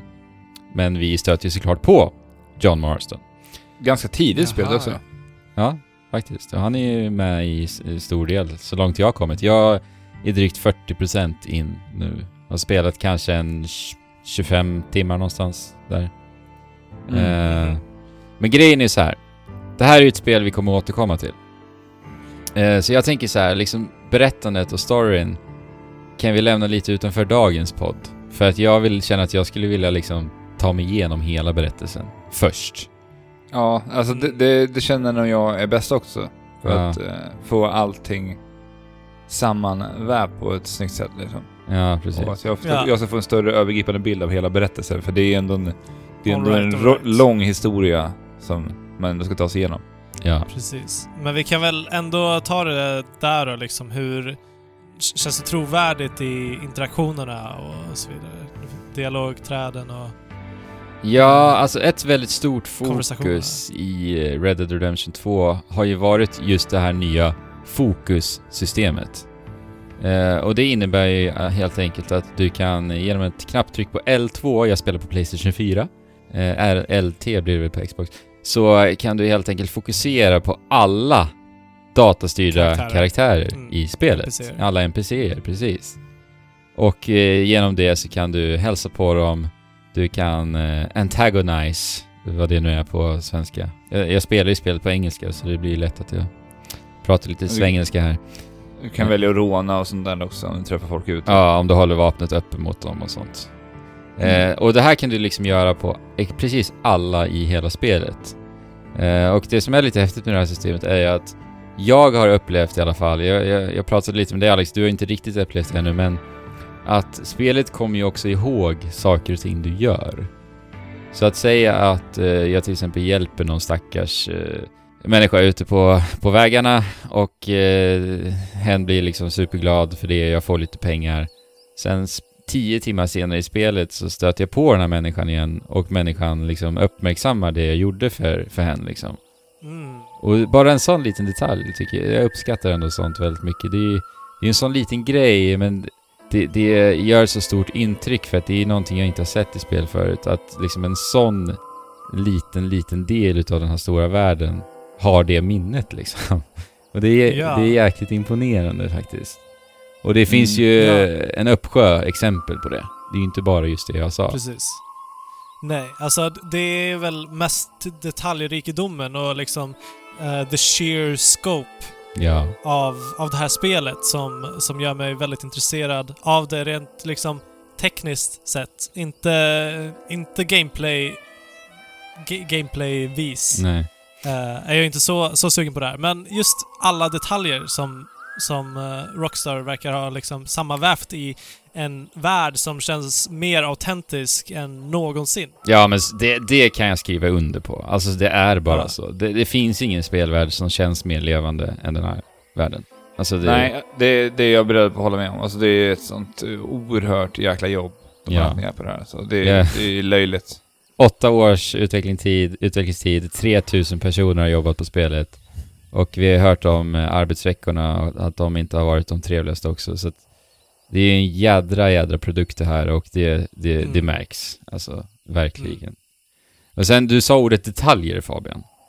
Mm. Och det är ett ord som jag tror att varenda recension eller varenda människa du hör prata om det här spelet, de kommer nämna detaljer säkert 17 000 gånger. För att det är ju det som får, som är så imponerande med alla Rockstar-spel egentligen. Men sen med det här spelet så tar ju de det till liksom ännu en ny nivå. Helt. Alltså ja, Ja. jag, jag vet inte vad du är på väg att leda in på, men det finns ju fan detaljer i precis allting i hela spelet. Ja. Allt du kan Till- göra i stort sett. Mm. Till exempel. Ja, men eh, det här... eh, Du kan till exempel gå upp och ner i vikt igen. Det är Ja. som en liten grej. Eh, Du kan gå upp och ner i vikt. ja. Eh, Okej. Som ja, det här med att pungkulorna på hästarna expanderar Ja. och förminskas i kyla och Ja. olika Ja, temperaturer. just det. Det, det, Ja. Och till exempel sol, solljuset, ja men helt enkelt solljus går igenom hud på karaktärerna. Så, så Ja. att du ser ju att det liksom rå, blir lite rosaaktigt på, på huden liksom när solen lyser igenom. Alltså bara en sån sak. Shit. Men, Ja. men, det, men det finns ju också så mycket detaljer i de här, så här rent spelmekaniska grejer också. Så här, det, vi har ju ett nytt system som kallas för cores. Course. Ja. Som, som är liksom din, din hälsa. ja, det är din hälsa, Okej. det är din dead eye-mätare. Dead eye är ju samma system ifrån ettan, där vi helt och enkelt... stamina. Ja, och helt, där vi går in i slow motion och pepprar ihjäl våra fiender. Och Sen, sen, för att känna sig som en riktig cowboy egentligen. Ja. Och sen eh, någon uthållighetsmätare, ja, som du sa. Så det är de tre. Men, och det, är- de har ju varsin mätare, men sen i dem så finns det också den här som Alex sa, kärnan, alltså core. Och eh, för att fylla på den så behöver du ju då såklart käka, du behöver dricka kaffe och allt vad det är. Och där, Ah. Och, och, och där finns ju en stor mängd olika recept du kan laga. Du kan liksom nörda ner dig ordentligt i bra olika kombinationer på vad du ska käka för att få upp de här mätarna till max. Och det finns så oerhört mycket sådana här grejer runt omkring spelet som du kan liksom så här spendera timmar i egentligen. mm. På att bli... Ja. Och du måste bry dig om liksom din hygien eh, och att dina kläder är rena och att du är ren och att du har eh, klipper dig och rakar dig. Precis, för att han, För att, för att folk, folk behandlar dig på olika sätt beroende på hur du, precis. hur du ser ut. Och du får inte gå in med, med vapnet eh, i, i högsta hugg i städer, för då Nej. kommer folk reagera liksom. Och så. Mm, eller komma in med banditmasken på lokala baren. Då blir de ju lite rädda liksom. Ja. Ja. det här kanske är de enklare detaljerna, men som, som ändå inte liksom är... Ja, men, eh, Fast grejen är att detaljer... Grejen med detaljer är ju just att det är detaljer. Alltså detaljer är ju små, små, små saker. Men det som är Precis. in imponerande med det här spelet är ju att, att det är så otroligt mycket utav dem. Mm. Mm. Men eh, det är ju nästan på den nivån att nu när jag har spelat 25 timmar så tar jag det mesta för givet. Så att när, jag, när du säger till mig, men ta några exempel, då är det nästan så här, jag kommer inte på några liksom på rak arm riktigt, för Ja. jag, jag är så inne i spelet nu. Men sen Ja. är jag ju helt övertygad om att när jag går och spelar något annat spel sen så kommer jag ju så här, Åh jäklar. Ja, alltså man kan göra så oerhört mycket. Alltså man blir så, det, det är så fascinerande att se att spelet faktiskt reagerar och du får någon feedback på det som händer. Ja. Som bara Ja. den grejen att jag går in med en banditmask på baren och att han bara, du kommer inte in här om du, med den där masken, ta av dig den där. Mm, Mm. Jag varnar dig en gång till annars kommer jag liksom, annars kommer jag skjuta dig. precis. Ja. Och att eh, få den feedbacken som spelare, det är ganska, det är, det är inte ofta vi får Nej. det i spel idag. Nej. Nej, alltså Men- här gör ju Rockstar ett jädra hästjobb, bokstavligen. Men finns det typ så här något kemisystem i, i den här väldigt detaljrika världen? Alltså jag menar typ som i Breath of the Wild, att du kan interagera med de här detaljerna på något sätt, eller är de bara de flesta bara detaljer för detaljens skull? Ja, det har ju inte alls det där öppna värld eh, spelmekaniken som Breath of the Wild, som Far Cry 5, som Metal Gear Solid 5.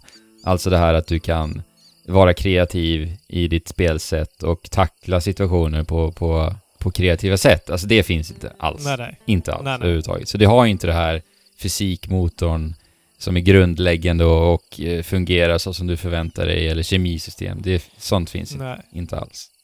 Men typ allting som rör eh, sociala saker och allting som Mm, rör liksom biologiska Precis. saker.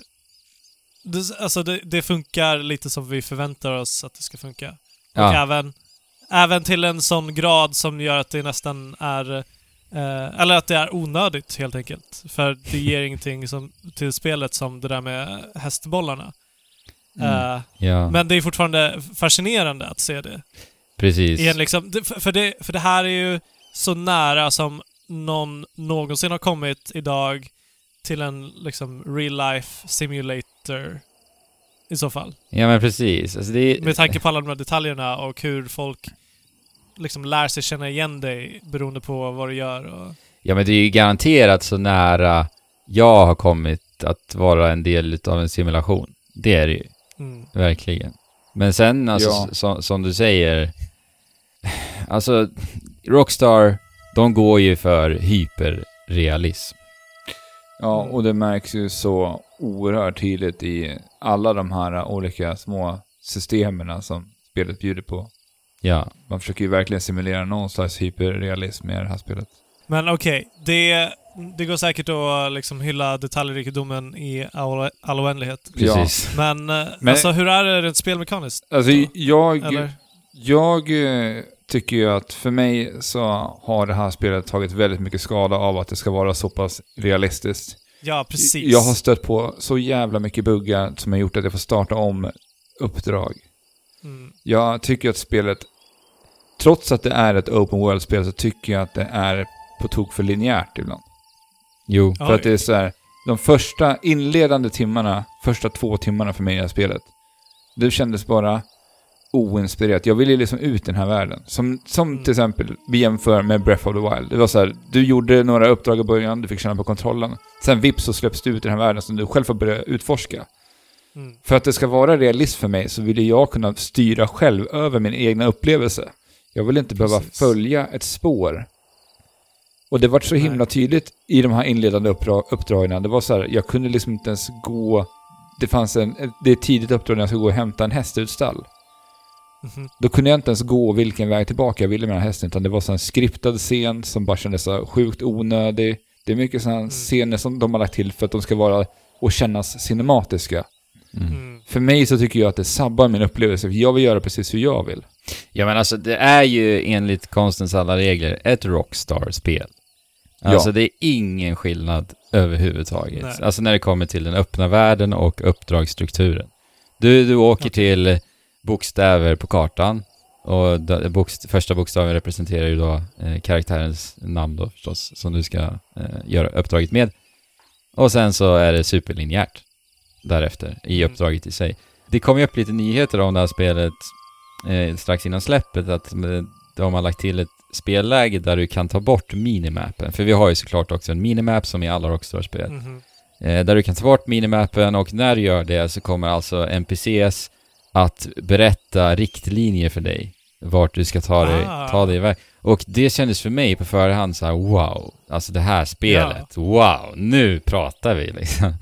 Ja, Eh, ja, ja, ja, ja. och sen eh, Alex berättade om det här inledande uppdragen då, som eh, faktiskt är eh, snudd på kass. Jag, jag tyckte de första två timmarna jag spelade var riktigt, riktigt usla. Eh, just för att det är så otroligt skriptat, du gör ingenting kul, det är bara berättande. 100%. Ja, och mycket dum tutorial tycker jag. Ja, det, är, det ska ju vara en handledning. Det är ju det det är liksom. Men för- där, där tycker jag, jag vill bara nämna en liten sak som jag tycker är en så otroligt dum scen att ens göra en grej av i det här spelet. Och det är när man går in i det här stallet för att hämta den här hästen, där du kommer in i en strid med en, eh, med en bråkstake där som börjar veva emot dig. Och du som spelar tappar, av, tappar din hatt. Mm. Och då med den här scenen så vill de spelet säga till dig, ja, du kan tappa av hatten. Och så här gör du för att plocka upp hatten igen och sätta på dig hatten. Ja. Men så här, varför Okej. behöver spelet visa det här? Kan inte de bara lämna ute vissa saker? Alltså, Ja, Mm. ja man, vill ju, man vill ju bli överraskad av saker och ting och inte få det slängt i ditt ansikte. nej, och, Speciellt sådana här detaljer som inte, inte spelar någon roll egentligen. ja, Nej, och jag menar, om du blir av med hatten, bara där reagerar ju du som spelare. Aha, den flög, Ja. flög av. Precis. Då, då är det Och då- klart att då går man ju och tittar om man kan plocka upp den. Ja, liksom. precis. Så Av, ren- av ren nyfikenhet så kollar du ju så Ja. vad Ja. händer om jag går till hatten nu? Istället för att spelet bara, gå till hatten, plocka upp den. Ja. ja. Och, och, låter och för att inte tala om hur svårt det är att faktiskt plocka upp den. Ja, Ja, men, ja, men alltså helt ärligt.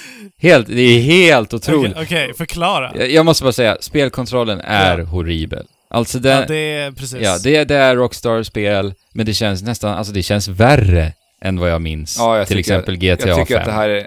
Är det värre? Ja, jag tycker att det... vad jag minns, tvekan. vad jag minns i alla fall, tycker jag det.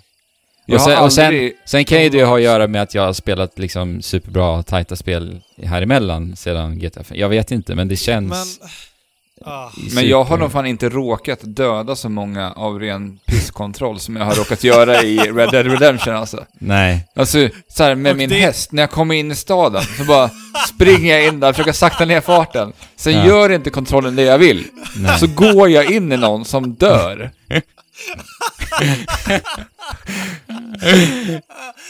Jag vet. Okej, det här är ett spel där det spelar roll. Ja, exakt. Och det är det, Exakt. det, är det som är så sjukt Ja. frustrerande. Men det här, alltså, det här är ett extremt stort problem med det här spelet. Alltså spelkontrollen är så pass Ja. dålig att du ofta rider in i folk som också kommer komma ihåg att du har gjort det, vilket, vilket, Ja. vilket gör att du kommer få en Bounty på dig. Och en Bounty innebär att Nej. du måste betala av det här eh, kriminella som du har begått. Mhm. Och det, alltså helt ärligt, jag har spelat 25 timmar, det här har säkert hänt mig, alltså lätt sju plus gånger. Lätt. Ja, det händer för Oh, ofta alltså. Lord. Det hände ju igår när jag satt och pratade med dig i telefon och då råkade jag, när jag var inne i en stad, skulle Ja. jag hoppa upp på min häst. Men, eh, men Arthur går till en annans häst. Ja. Så jag, och Okej. hoppar upp på någon annans häst. Och då- och då då ser skäms någon det. då, då stjäler du Ja. Ja, och så hoppar jag ner. Jag bara, men nej, jag tog inte din häst, det var inte meningen. Men, men han ser inte att jag hoppar ner. Han reagerar inte ens på att jag hoppar ner från hästen igen. Men Nej. det var en olyckshändelse, men då bara, horse theft. Springer Ja. iväg, vittnet ser, jag är efterlyst. Ja. Jaha. Då springer jag upp med min häst i skogen, kampar tills det är lugnt. Sitter där uppe och grillar någon köttbit jag har i- med mig. För att bege mig ner dagen efter och betala, vet du, den här bountyn på mig själv, eller min debt som jag har till, till Office där. Mm. Post Office. För att Ja, sen kunna jag. gå till det här uppdraget. Så att jag var ju på Oh, plats och skulle gå till ett uppdrag. Mm. Men det dröjde ju typ 5-10 minuter extra på grund av att häst, jag råkade hoppa upp på den här hästen. Ja. Jag älskar att du ritar in folk och de dör. ja. De dör. Och sen också det här att spelet gör ett så otroligt, otroligt dåligt jobb med att förklara alla de här systemen för dig. Alltså, Mhm. det är ju på, det är ju så här klassiskt Rockstar ni vet, det blinkar upp en ruta upp i vänstra hörnet. Där det kommer upp en jävla text. Så här funkar det här. Och det händer alltså nästan alltid när jag har någonting helt annat att fokusera på. Och jag har liksom Ja. inte tid att läsa Ja. den texten samtidigt som jag har en eldstrid på skärmen. Och det händer hela tiden. Alltså den där rutan är ju där hela tiden och blinkar. Ja, ja, den sitter där uppe i vänstra hörnet. Alltså jag, jag Ja. försöker så här, jag är ute och rider för fullt med hästen och sen bara försöker jag kasta ett getöga upp i hörnet och läsa samtidigt. Men jag är Ja. ute och rider liksom. Ja. Och jag vill inte, jag vill inte tappa blicken för jag vet vad som, kan hända, vad som händer när jag tappar blicken i Red Dead Redemption. ja. Jag kommer krascha med hästen. Jag kraschar. Så jag kan inte titta och läsa samtidigt, det går inte. Så jag har bara sett så okej du kan gå upp och ner i vikt, men hur gör, hur gör man det här? Ja, Så bara, okej du kan laga mat, men okej, ja, jag får läsa det där sen, men det gör jag ju inte ändå. Nej. Nej. Nej. Det kommer så mycket information upp i det där hörnet, men det händer ju alltid i fel tillfällen när jag är ute och rider. Jag vågar ju inte titta på något annat när jag rider, för jag har dödat Ja. säkert fyra, fem hästar på mina typ 6-7 timmar spelade. Ja, men... Ja, men vadå? I så, I så fall så borde de typ så här spara på alla tutorials som har kommit upp och tills du har stannat av. Ja. Och det liksom inte finns någonting runt omkring. Eller hur? Och sen får du möjlighet att liksom kolla igenom vad det är Ja. de... Eller, ja, de kan dyka upp bara att du vet att du lätt nästa gång du inte gör någonting viktigt kan titta upp Exakt. igen. Exakt. Det är bara något enkelt knapptryck av något slag. Liksom. Ja. Men eh, säk, jag, vet- jag, jag vet inte om det går att läsa de här i efterhand. Jag har inte eh, kikat in det faktiskt, men Det ba, bara det att de inte berättar för mig att jag kan läsa dem i efterhand, det har de inte gjort. nej. Så, Nej, nej det, det här är ju någonting de har jättesvårt med det här spelet, alltså berätta alla de här systemen. För det är Ja. så oerhört många olika system på Ja. allting i hela spelet. Och jag tycker det blir så oerhört överväldigande att bara få allt det här kastat på en hela tiden. Mm. ja det är allt, allting smälls ju på så fort du lämnar den här inledande två timmarna som vi pratade om. Då kommer Mm. alla de här systemen på en och samma gång. För just det Mm. här systemet du pratar om, det här att du måste, alltså när du stjäl hästen här Alex, då är det ju då ett vittne som ser detta. Och det är den personen som sen går och meddelar om ditt, eh, ditt brott. Och då har du en tid på dig där att gå till vittnet och liksom eh, hota vittnet helt enkelt. Att säg inte någonting. Du låtsas som att du inte såg detta. Och bara det, när det hände mig första gången, jag bara, va, va, okej, vad är det här? Vad ska jag göra? Jag hade liksom ingen aning. Vad, vad, ska, Alltså, vad ska jag göra nu då? Jaha, något vittne är där borta, okej. Så började jag springa Men- dit och sen, sen tog det för lång tid tydligen. Och då hade jag en bounty på mig. Det var liksom så Men vadå, jag du kan, kan du alltså muta vittnena? Ja. För det har inte jag förstått. Nej, För var- jag, jag, går, jag går ju alltid det här, eh, jag är ju riktigt hemsk av mig och bara skjuter dem liksom. Ja. Ja. Och det är ju ingenting jag, det är ingenting jag vill göra. Utan, Nej. men jag blir så illa Men- tvungen till det. Men, du, du, vill, du vill ha en strömlinjeformad spelupplevelse, så att då, då kommer det lite casualties när de Ja. har det här systemet. Sådana här system måste göras så att de liksom är intuitiva utan att du behöver ha en tutorial om du inte ska ha en liksom gedigen tutorial på det. Mm. Mm. Eh, och när du väl vet hur du ska göra så ska det också vara enkelt och lättillgängligt. Vi pratade lite om det här igår, jag och Andrew. Alltså det är så här, i det här spelet så kan vi fortfarande bära så här mängder utav ammunition på oss. Vi kan ha jättemycket ammunition. Men det finns många andra system som ska vara liksom verka så realistiska och verka, ska ligga så nära realismen som möjligt. Och att det är så jäkla svårt att liksom urskilja vad är det som fortfarande Ja, ska, är och ska kännas speligt och vad är det som ska liksom kännas som realism i det här spelet. Mm. Alltså den, den, eh, alltså var börjar och slutar det liksom? Alltså Ja, det känns det är jättesvårt. jätteotydligt i det här spelet. Jätteotydligt. För jag menar, vi har ju en sån här väska på oss. Och det är ju en sån här Harry Potter-väska, för där kan vi slänga ner liksom morötter och, och klockor och pengar och guldtackor, allt sånt kan li- Ja, slängas ja. ner där. Men vapnena, nej de, de har du på hästen. Och du måste Ja. alltid komma ihåg att ta bort vapnena ifrån hästen innan du ger, ger in i en strid. Jag vet inte, det har säkert hänt 20, 21 gånger Ja, att jag har glömt vapnena på hästen och så måste jag gå tillbaka och sen så blir det mission failed för att jag går tillbaka till fucking jävla hästen. Alltså helt ärligt, Ja, det har hänt mig så många gånger i det här spelet. det händer mig jättemycket Ah, också. Så irriterande. Ja. Och sen, Alltså- och ofta, och sen så, grejen ofta måste jag också rida en del, en, en sträcka tillbaka till där jag var också. Eller som den här grejen med att man kallar på sin häst. Om hästen är för långt borta, eller om du, om, om du kan liksom vissla på hästen och springer, så ska den också springa i realtid istället för att liksom hästen spånar in inom en viss radie utanför, i, i karaktärens närhet. Mm. Då ska man bara stå där och vänta och bara, "Ah, okej, men nu är Polle på gång. Liksom, nu står jag här. Ser att han kommer där borta. För att det, Ja. det går ju att liksom göra det, alltså att lura dig som spelare. Ja. Ja. Att spåna in den närmre dig som, där du står. För att det är inte roligt att vänta i spel. Det är svintråkigt. Ja. Och alltså, jag, jag blir nästan lite ledsen av det här. För det, det är det här jag förväntade mig av det här spelet och därför jag inte var eh, intresserad av att spela det här. Mm. Men det är ett så fantastiskt projekt som de har jobbat med, men sen så förstör de det genom att genom att liksom ha saker som ska vara realistiska och inte liksom kunna balansera vad som gör spel kul och vad som gör spel trovärdigt. Nej, precis. Och det är där det blir problem alltså. Och striderna då? Striderna i Red Dead Redemption 2, de är otroligt undermåliga. För alltså, när det blir strid i det här spelet, då blir ju spelet ett actionspel. Och där har vi en sådan enorm jäkla konkurrens i den här branschen nu för tiden. Och när det inte håller måttet i ett spel där varenda jädra uppdrag avslutar med en stor eldstrid. Visserligen ljudet är helt fantastiskt och känslan av att avlossa skott har en extremt härlig tyngd och det är ofta väldigt så här spektakulära, medryckande händelseförlopp när det är eldstrider. Men som ett tv-spel va? Då har jag inte särskilt roligt, det känns väldigt föråldrat och omodernt.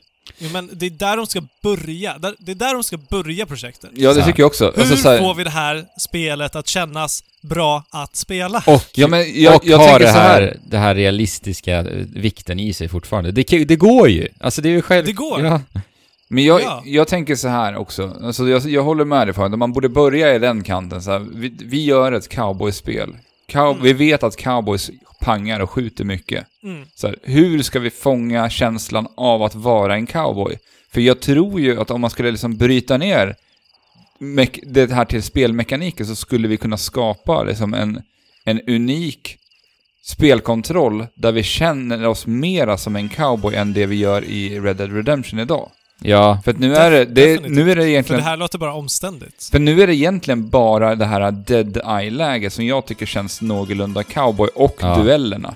och duell. Men resten är så här, det är bara en generisk shooter i, i det stora hela. En sämre generisk shooter. För alltså det enda jag gör, det är hoppa in i, bakom skydd och sen så poppar jag upp, skjuter ett headshot, poppar ner. Poppar upp, skjuter ett headshot, poppar ner. Det, alltså det är så striderna ser ut. Genom hela... Jag har spelat som sagt 25 timmar och det har varit så eh, uteslutande. Jag går runt och dricker booze och använder Dead Eye. Det är så jag gör. Ja. Ja men lite dead emellanåt också. För att det ska Eh. gå fort. Och sen för att inte ta, vi pratar ju om Siraps-kontroller ni vet. Alltså Mhm. det här, de här kontrollerna i det här spelet är ju honung. Mera. Ja. Hållningskontroller. Men ja, alltså det är just det här realismen som de går efter. Det, det, det, I slutändan så är det ju designbeslut. Man kan inte, alltså jag köper inte det där, ja men det ska vara realistiskt. Jag, jag köper inte det, Ja. för att det är designbeslut. För att jag menar, som sagt, varför är min väska helt jävla oändligt stor då? Varför kan jag döda 20 000 cowboys på, på tre man? Alltså, förstår ni? Jo, men alltså, nej, men gre- grejen med spel är att du inte behöver... Det behöver inte vara realistiskt för att det ska kännas realistiskt. Nej. Som, som, eh, som det där exemplet att, att spana in eh, hästen istället. Eller att bara inte bry dig om eh, liksom, hur mycket du kan bära eller Mm. ha, ha något system som Skyrim, att du kan bära en viss mängd av allting. Mm. Eh, eller jag vet inte. Ja, men det är också... Men de, de här systemen är inte... Alltså, när, när systemen är, så är realistiska motverkar själva spelet, Ja, men det är... då, då är det ett dåligt designbeslut. Ja, Precis. jag, jag tycker ju det. Och jag tycker att det sammanfattar mina största problem ganska bra. Alltså att det är så många små designbeslut som är där för att betona och framhäva realismen. Men som för mig gör det motsatta, alltså att det istället förstör inlevelsen och skadar hela spelupplevelsen. Jo, men, Det gör ju det men- jättemycket för min Ja. del alltså. Och att det, Det- det skapar så mycket, alltså ta den här lilla pungen som han har med sig och samla sina grejer i liksom. Mm. När den är full för Jag mig. tänkte ju på hästpungen. när Ja, jag in, inte hästpungen utan pungen som jag förvarar alla mina prylar i. När den, jag Ja. den vart full här, för någon, här igår för mig. Mm. Sen bara, ja men då ska jag gå och fixa en ny. Så jag går till mitt camp, för man har ju också ett camp, har vi inte ens pratat om. Eh, där jag ska crafta en ny sån här pung. Mm. Och då behövde jag ha massa, jag behövde, hade, behövde uppgradera grejer i campet och jag behövde ha några hudar ifrån olika djur. Mhm. Och jag bara, aha, okej. Så att jag måste nu spendera säkert en timma för att hitta de här hudarna, uppgradera det här, så att jag måste göra pengar, jaga, för att låsa upp så att jag kan förvara mera grejer när jag är ute på jakt. Alltså, Mhm. pa- min pacingen i det här spelet, det dras ju ner helt åt helvete. Mm. Ja. Jag vill känna att jag är framåt. Det där gör ju bara att det, det stannar av för mig. Så här, okej, Ja. nu ska jag gå runt och göra ingenting. Det är inte Ja. det här jag vill göra. Då, då tycker jag så här, alltså, det borde erbjudas någonting annat. För man märker ju att Rockstar har gjort ett spel som ska tilltala så sjukt många olika typer av spelare. Det ska finnas någonting att göra för alla typer av spelare. Det tycker jag framgår så himla tydligt i det här spelet. Just alltså, med alla de här olika, de här, alla de här små, små detaljerna som du kan göra och påverka och förändra i spelet. Så finns det verkligen hur mycket som helst att hämta. Ja men samtidigt, alltså... Det, det är en sak. Men varför kan inte det samexistera med liksom en bra kontroll och en bra spelkänsla? Ja, precis. Men alltså mycket av realismen ligger ju också i animationer. Jag tror inte vi har nämnt det egentligen. Men det är ju därifrån egentligen den värdelösa spelkontrollen kommer ifrån. Och det är Och därifrån, hästarna. och det är därifrån mördarhästarna kommer ifrån. Det är därifrån... Och, eh, och, och tiden. Det är därifrån tiden. Alltså att det tar sån tid och... Ja, En gång så skulle jag eh, plocka upp en, en herre som jag hade... Hot, ho, ho, hogtie, hogtie, jag vet inte svenska översättningen på det. Bundit. Ja, bundit, tack. Nu- Man binder fast... När man spelar spel på engelska, då är det så jäkla svårt att bara hitta Ja, ja, svenska översättning. Eh, precis, jag hade bundit en rackare som jag skulle lägga på min häst.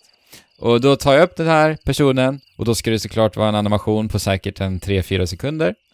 Och sen så ska jag lägga den här på hästen. Och knappen för att sätta sig på hästen är i trekant. Då tänkte jag, ja men när jag håller i gubben, då borde det ju vara trekant liksom för att lägga upp karaktären på hästen. För häst eh, kopplar jag, eller trekant kopplar jag ju till hästen då liksom. Och sen så trycker jag på trekant. Nej, men då slänger man bort, då slänger han bort eh, karaktären och sen sätter sig på hästen själv. Och då är ju det en jädra animation, bara allt det där. Sen hoppar Mm. jag ner från hästen, tar upp karaktären igen och sen lägger den på hästen och sen hoppar jag upp. Alltså, Så, så allt det där skulle kunna ta mig två sekunder. Men det tog, Mm. alltså säkert 15. på grund av så mycket animationer. Och det är ju det här som jag inte begriper mig på, för att när det är så här mycket överanvändande av, av eh, animationer, alltså deras beslut, designbeslut här är ju för att det ska dra in oss i spelet. Det här ska få oss att Mm. liksom supas in. Och jag förstår ju att, att tanken med det, men för mig så är det helt tvärtom. Alltså, Alltså, när, jag- när, jag- det, Ja, ja. när det där händer, jag blir frustrerad, jag blir irriterad och jag, jag blir arg. Jag, Jag jag, blir så här, det- varför? Jag håller med. Jag tycker Ja. att det skulle funkat jättebra om det är så här, till exempel om vi är ute och plockar blommor eller något sånt där.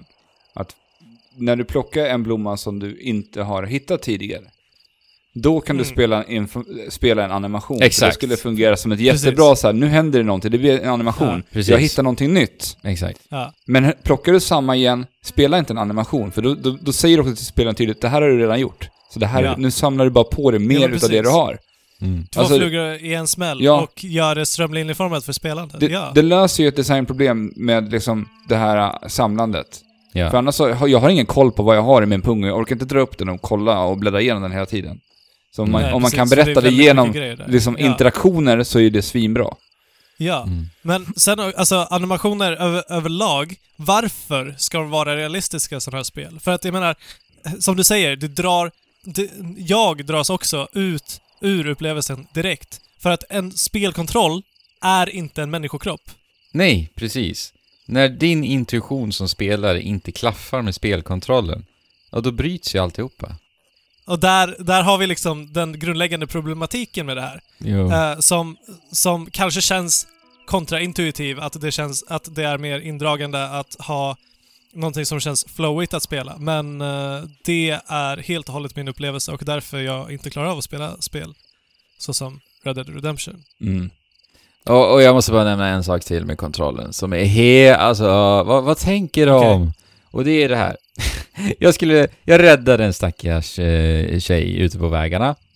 Aha. Eh, och sen så skulle jag hoppa upp på hästen och sen så skulle hon då bara hoppa upp på hästen med mig så skulle jag rida henne in till, till en by där hon bodde. Eh, Ja, ja. och så kommer hon såklart nära hästen och jag eh, bara i ryggmärgen trycker på trekant förstås för att hoppa upp på hästen. Mhm. Och sen är hon lite för nära. Och då är trekant, när du interagerar med en människa, att strypa personen. Va? Så att det gjorde att jag ströp henne. Ah. Och det värsta var att jag fick en autosave precis då, och hon springer iväg och skriker, jag kommer komma ihåg det där. Och, jag, och, och alltså Nej. problemet med det här, alltså vi Ja. pratar ju om det här när vi kör på människor och med hästen och allt va, det är att vi inte kan säga förlåt. Varför? Varför, varför, Ja. varför, varför kan vi inte Det var en olyckshändelse att Ja. jag ströp Ja. dig. Ja. Du, du kan strypa, du, du, kan, du kan vara o, ohyfsad, Ja. men du kan inte säga förlåt. Nej, där, där har Nej. någon, Rockstar någonting att lära. Vi måste kunna säga förlåt. Det hände ju mig igår också, en jätte, jätte, jättejobbig situation. Det, det är en kvinna som har blivit kidnappad som, som rider förbi och ropar på hjälp. Och den här Aha. cowboyboven springer och galopperar för fullt. Jag drar ikapp, skjuter ner honom med min dead-eye då, bara rakt Ja. tre kulor i huvudet. Ja. Och det hästen springer iväg. Jag går och hämtar upp henne, tar ner henne från, från eh, hästen.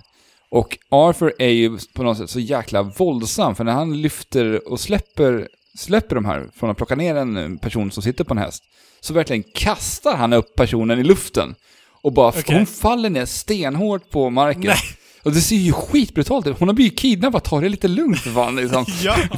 Och sen så trycker jag på, trycker jag på fel knapp. Och- Och vad råkar jag göra då? Jo, jag, jag rånar henne på pengar. Och sen så bara, ja ah, men shit, vad Ja. fan gör jag nu? Jag kan inte bara låta henne ligga här. Jag rånar henne på pengar. Kan jag ge tillbaks pengarna? Nej, det kan jag inte göra. Nej. Och då, Nej. Alltså, och då så klipper jag loss henne. Och det första hon gör, hon springer för glatta livet. Eller inte Ja, glatt, klart. hon, hon var inte glad såklart. Hon var ju, Nej. hon var ju livrädd. Hon springer, ja, skriker rädda därifrån. livet. Ja, eh, Ja. det blir man arg på alltså. Ja, alltså det, det hade väl kanske kunnat vara en, en så här nödlösning att kunna, kunna säga förlåt när spelet inte, eller gör saker som du inte vill göra. Och Mm. alltså, bara, bara det är en så stor miss. Ja, Att de inte får till det. sen har de det här systemet att du kan också bli en så här, en eh, honorable eh, man. Det, det har ju jag velat satsa på i spelet, att Ja. så här, vara en, ändå en eh, god bov som gör saker med heden i behåll. Mhm. Och det här s- systemen gör ju att det saboterar just den, Ja. den karaktären jag vill skapa för mig. Jättemycket. Mm. För att jag gör dumma brott, som att råna den där kidnappade kvinnan. Det, Eller Ja, eller när jag strypa någon ströp, spontant. precis, när jag ströp henne. Ja. det, det sprider ju Ja. väldigt dåligt rykte om oss två liksom. Vi ju Och, och vet du vad det skapar? Menar, vet, det- vet, vet ni vad det skapar? En enorm frustration. Ja! Frustra fucking tion! Ja. Jag testade faktiskt på att göra en dum sak igår, bara för att jag varit så jävla upprörd på det här Aha. spelet och de här dumma grejerna som hände. Så jag var ute på ett storyuppdrag, ett sidouppdrag. Där jag skulle hämta en eh, son till en person. Och eh, då när vi liksom skulle, jag skulle transportera honom till, eh, nej det var inte son, det var en syster, så var eh, Jag skulle transportera honom till hans syster. Och de sitter och så här slösnackar på hästryggen och pratar Mm. om livet och han berättar eh, saker och ting. Jag river ner en eh, person som rider framför mig med lassot och vi drar runt honom och på marken och leker med honom liksom. Drar honom efter hästen och sen hoppar jag av hästen och vi slår honom och vi, vi skjuter på honom. Och han, den här personen som hakade på mig, den här sonen då, eller den här bron, Mm. Han börjar skjuta också liksom. Och så står de där Aha. och pratar om att han gillar äpplen. De Va? bara fortsätter dialogen, det är Oj. skitkonstigt. Alltså det, det, det var en sån härlig dissonans som skedde där. Ja, De bara såhär, ja men jag gillar äpplen. och sen så bara pang, pang, står de pang. där och skjuter någon oskyldig person som jag har rivit ner från vägen liksom. Mm. Ja. Så går vi och gömmer honom Ja, i en de, buske. de kanske är så. De kanske bara var liksom superpsykopater. Ja, ja, det, det är de ju. Ar- Arthur är inte frisk någonstans. Nej, jag, jag försvann ju här. Jag, jag tror ni fortsätter va? Jo, jo, ja. Jag bara slank Yes. in ändå, lite snyggt utan att visa att jag försvann. Ja, precis. men, du, Men- men du nämnde ju någonting Alex med att du ville vara en honorable en, man. En goding, ja. Mm. ja. Nog, nog för att det är svårt att vara god hela tiden, men det är inte så att man råkar strypa någon. Nej. Alltså har du gjort det någon gång Fabian i livet? Nej. Nej. Nej, jag har nog aldrig råkat strypa någon. Därmed har ju Rockstar misslyckats med att eh, gestalta realismen i spelet. Ja, Men grejen är ju att precis. i, i, eh, det är ju ett system också, på tal om system. Just det här att vi, vi gör vi gott i världen så ökar den här eh, hedersvärda mätaren då. Och eh, gör vi dåliga saker så sänks den förstås. Och det tycker jag också blir lite märkligt just för att vi är ju en dålig människa. Punkt slut. Mm. Alltså vi rånar banker och, och allt vad vi gör va. Och jag vill ju precis som Alex vara den här mannen också som, Ja, som men gör gott. inte svart och vitt. Men jag vill ju vara den ma- mannen Ja. i, i, när jag spelar det här spelet. Och det blir så, lite märkligt liksom när jag är på huvuduppdragen då. Och då är inte Arthur alls den Arthur som jag spelar Nej, i Det är som du vill vara. den öppna världen i övrigt liksom. Och det Nej. tycker jag också kan bli lite konstigt. Och sen tog nästan lite emot så här vissa gånger när jag var tvungen att slå ner civila och liknande som man måste göra i hu- huvuduppdragen. Alltså det är inget stort problem för mig så, men jag tycker bara det är lite märkligt ändå. Ja, men det är ett konstigt designval också. Att Ja. man kan vara god när du liksom tvingas vara ond ändå. Ja, precis. Alltså det, det Ja. känns inte som någonting som hade behövts, känner jag lite. Nej. Hela det systemet. Eh, och sen när vi ändå är inne på upp, huvuduppdrag och sånt, alltså jag sa ju tidigare att det är ju väldigt mycket av ett Rockstar-spel. Och Rockstar-spel är ju för mig typ synonymt med transportsträckor också. Och oj, oj, oj vad du rider i det här spelet. Alltså det är verkligen Okej. helt och hållet sjukt. Alltså jag har ju Mm. fokuserat rätt mycket på huvuduppdragen för jag inser ju med det här spelet att, att eh, det, är, det är där spelet håller mig engagerad. Men sen också när du spelar huvuduppdrag på huvuduppdrag, alltså det är rida fram och tillbaka till camp hela, hela tiden. Och sen så Ja. kan du ju sä- sätta in på en sån här cinematic camera. Så att när du sätter upp en waypoint så kan du bara hålla in touchplattan på PS4 då. Och sen så eh, rider karaktären automatiskt. Det här har inte jag gjort. Det här skulle jag behöva för att jag har ju varit med om såna jäkla tråkiga stunder när jag har dödat hästar Mm. och sen har jag börjat börja springa. Ja, och blivit tvungen att stjäla någons häst liksom. Så att alltså min, min jävla hedersmätare, den går ju åt skogen alltså. För Ja. att, För att där, där väjer ju hästen automatiskt för sånt som kommer i vägen för dig. Men eh, det, det, det, är löser inte ju he- mina problem. det är inte helt konsekvent dock, för det hände en gång att min häst eh, bara rakt in, red rakt in i någon från ingenstans som inte ens jag såg. Och sen eh, fick jag ju massa Bounty på mig och allt vad det var. Alltså det har hänt så mycket sånt där för mig som bara... ugh. Men Har du dödat fall- många hästar? Ja, ett par stycken. Har jag gjort. Alltså jag har ju säkert sänkt, jag har ju fått tagit livet i typ fem stycken. Stackare. Ja. Bara på transporten. Ja. Men med den här cinematiska kameravyn då, ja jag förstår att eh, det är ett sätt att, att beskåda den här fantastiskt jädra vackra världen, för det har vi inte nämnt, det är så otroligt jädra vackert överallt, såklart. Men å andra sidan, alltså jag, jag spelar ju inte spelet då, utan spelet är helt och hållet självspelande. Så att när, när jag gör det, och eh, som sagt det är så otroligt mycket transportsträckor för, i spelet, då tittar ju jag ju i mobilen tills jag är framme, liksom. ja, alltså där känns ju som att det är, det är en, en förgylld laddningsskärm. Ja, men det är ju lite så. Men då ska jag säga också att det blev ju så först jag insåg att hur mycket transportsträckor det här spelet faktiskt har. Så inledningsvis var det absolut inte på det här viset. Men som sagt, jag är 25 timmar in och jag har säkert spenderat en eh, 10 timmar på en hästrygg. Och då eh, blir det att jag börjar snegla på den där, ja, telefonen istället. När det är dags för de här laddningsskärmarna. Och jag tycker inte att spelet uppmanar en att faktiskt utforska själva spelvärlden i sig heller riktigt. Och jag förstår ju att det är ju inte den typen av design Rockstar går för, är det ju inte. Nej. Eh, men det finns ju såklart att, att dra ut och jaga lite djur och sådär. vilket också är ett system jag känner mig lite besviken på faktiskt helt ärligt. Det var ju någonting väldigt häftigt i första spelet. Eh, och det var ju de som egentligen introducerade hela det här systemet som Far Cry tog efter också. Mhm. Att man jagar djur och sen med dem så uppgraderar du material. Ja. Men nu känns det, hela den biten känns också bara onödigt mycket för att allt ska vara så realistiskt. Att, Ja, att det- det... bara blir tradigt. Jag tycker det. Ja, men du berättade om det här att du, du berättade för mig igår när du hade varit ute och jagat hur du liksom måste ta ett djur i taget och, Ja, och- åka dit, jaga det, lägga upp det på hästen, åk tillbaka, lägg det i grytan. Ja. Och sen just det här att, att du måste se till att och helst döda djuret med en pilbåge perfekt.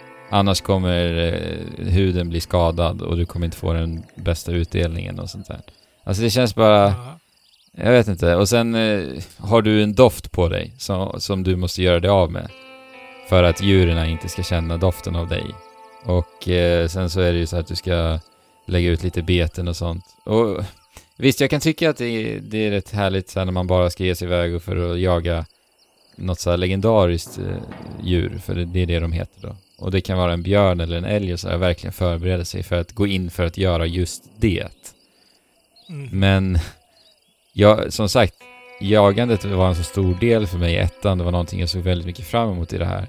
Men det slutar med att jag nästan aldrig gör det. Och jag är inte speciellt sugen på att göra det heller. Tyvärr. Hur tycker du att det borde varit då? Ja, men bara mer strömlinjeformat. Även här. Ja. Det är liksom för mycket. Det är bara, det är bara för mycket. Och sen så är det ju som sagt så mycket som är tradigt redan. Kontrollen, eh, tra transportsträckorna och allting. Men sen är det så här, ja, spelet är väldigt, det har ett väldigt så här lågt tempo. Och jag kan ju jag uppskattar ju sånt också i spel, väldigt så låga tempo. Jag menar, Breath of the Wild hade ett väldigt lågt tempo, även det. Men det, det är skillnad på lågt tempo och eh, att saker och ting blir väldigt tradigt liksom. ja, ja. Så, ja. Precis. Bara det här också att, att det, det finns tre olika knappar som gör i stort sett samma sak i spelet. Och det är att plocka upp saker. På fyrkant använder du för att typ plocka upp kroppar som du har eh, spänt, bundit fast och sånt. Och sen trekant använder du för att lota. Och sen använder du R1 tror jag, eller L1 för att plocka upp vapen. Alltså det är så här. Varför, varför sprider ni ut det på tre olika knappar? Ja, men det var ju det som jag berättade för Fabian när du försvann där. Hur Ja, jag okej. råkade ja. stjäla pengar ifrån den här kidnappade kvinnan. Ja. Ja. Det kändes ju sådär. Ja. Och sen, eh, jag måste bara säga en sista sak. Eh, Det var, jag skulle säga det här egentligen typ precis när vi började prata, men jag blev vilseledd någon annanstans. Och vi, vi pratade om det här, hur skriptade alla uppdrag är och sånt där. Ja. Jag pratade om det här med minimappen, att man kan stänga av minimappen.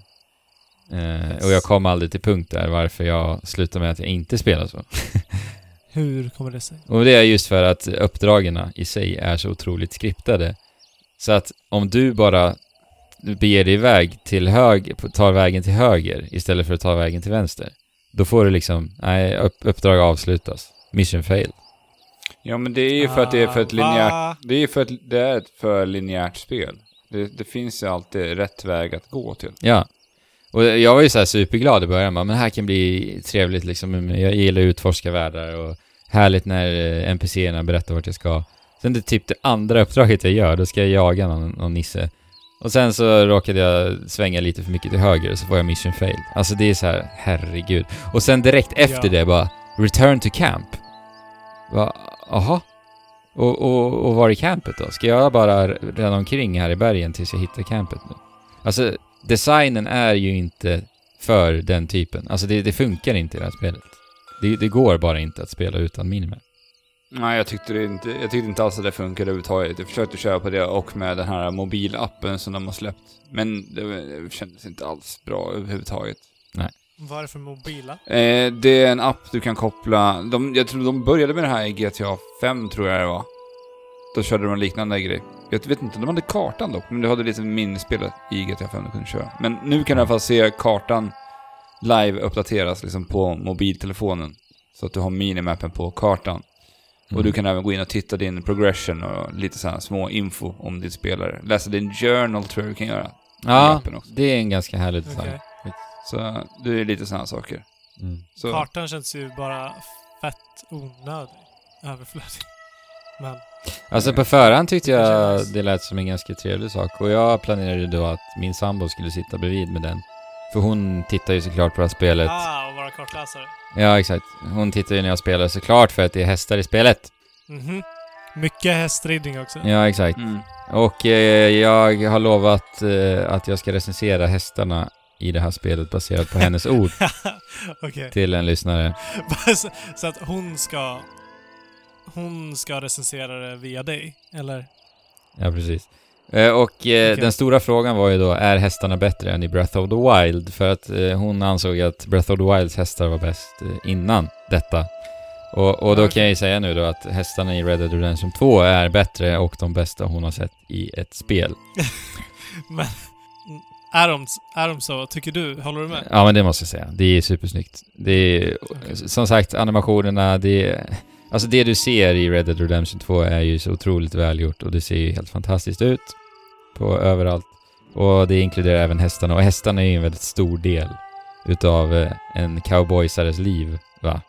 Jo, jo. Så att det märks att de har lagt väldigt mycket tid på det här. Och animationerna är ju snorsnygga. Du ser ju liksom musklerna, hur de rör sig i varje steg hästen tar liksom. Mm.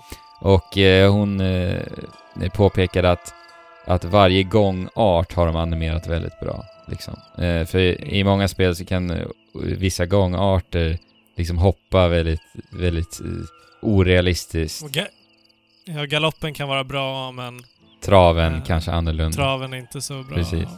Men här känns allting riktigt gediget och väldigt välgjort.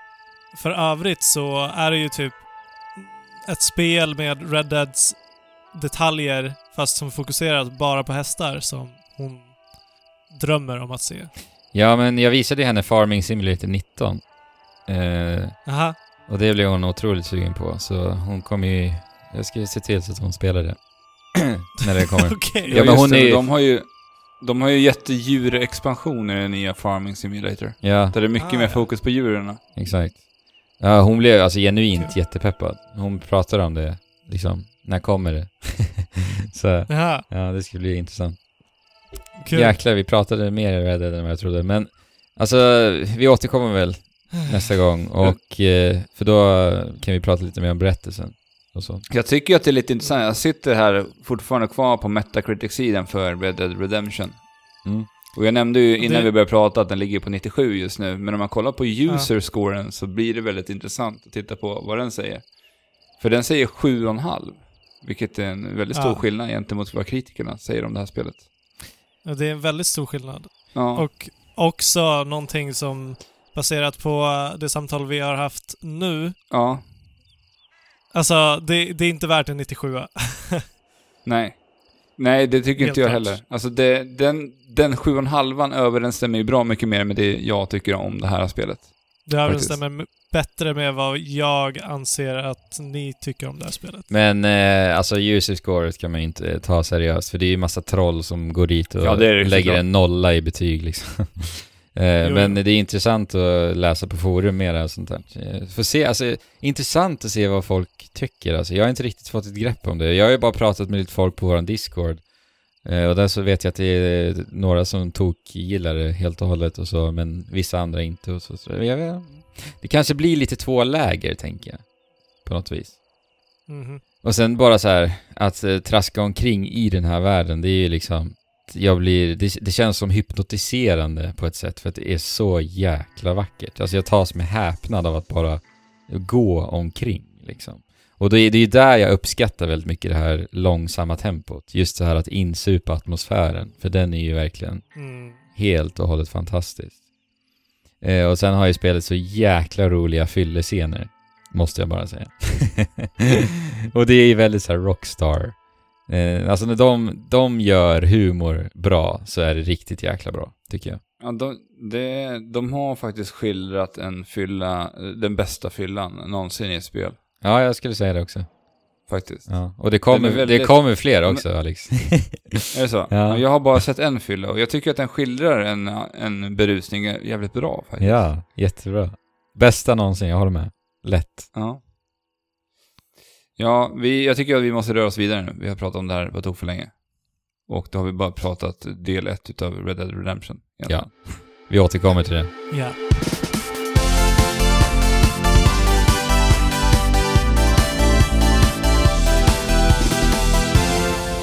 Ja, men då är det dags att avsluta avsnittet för denna gång.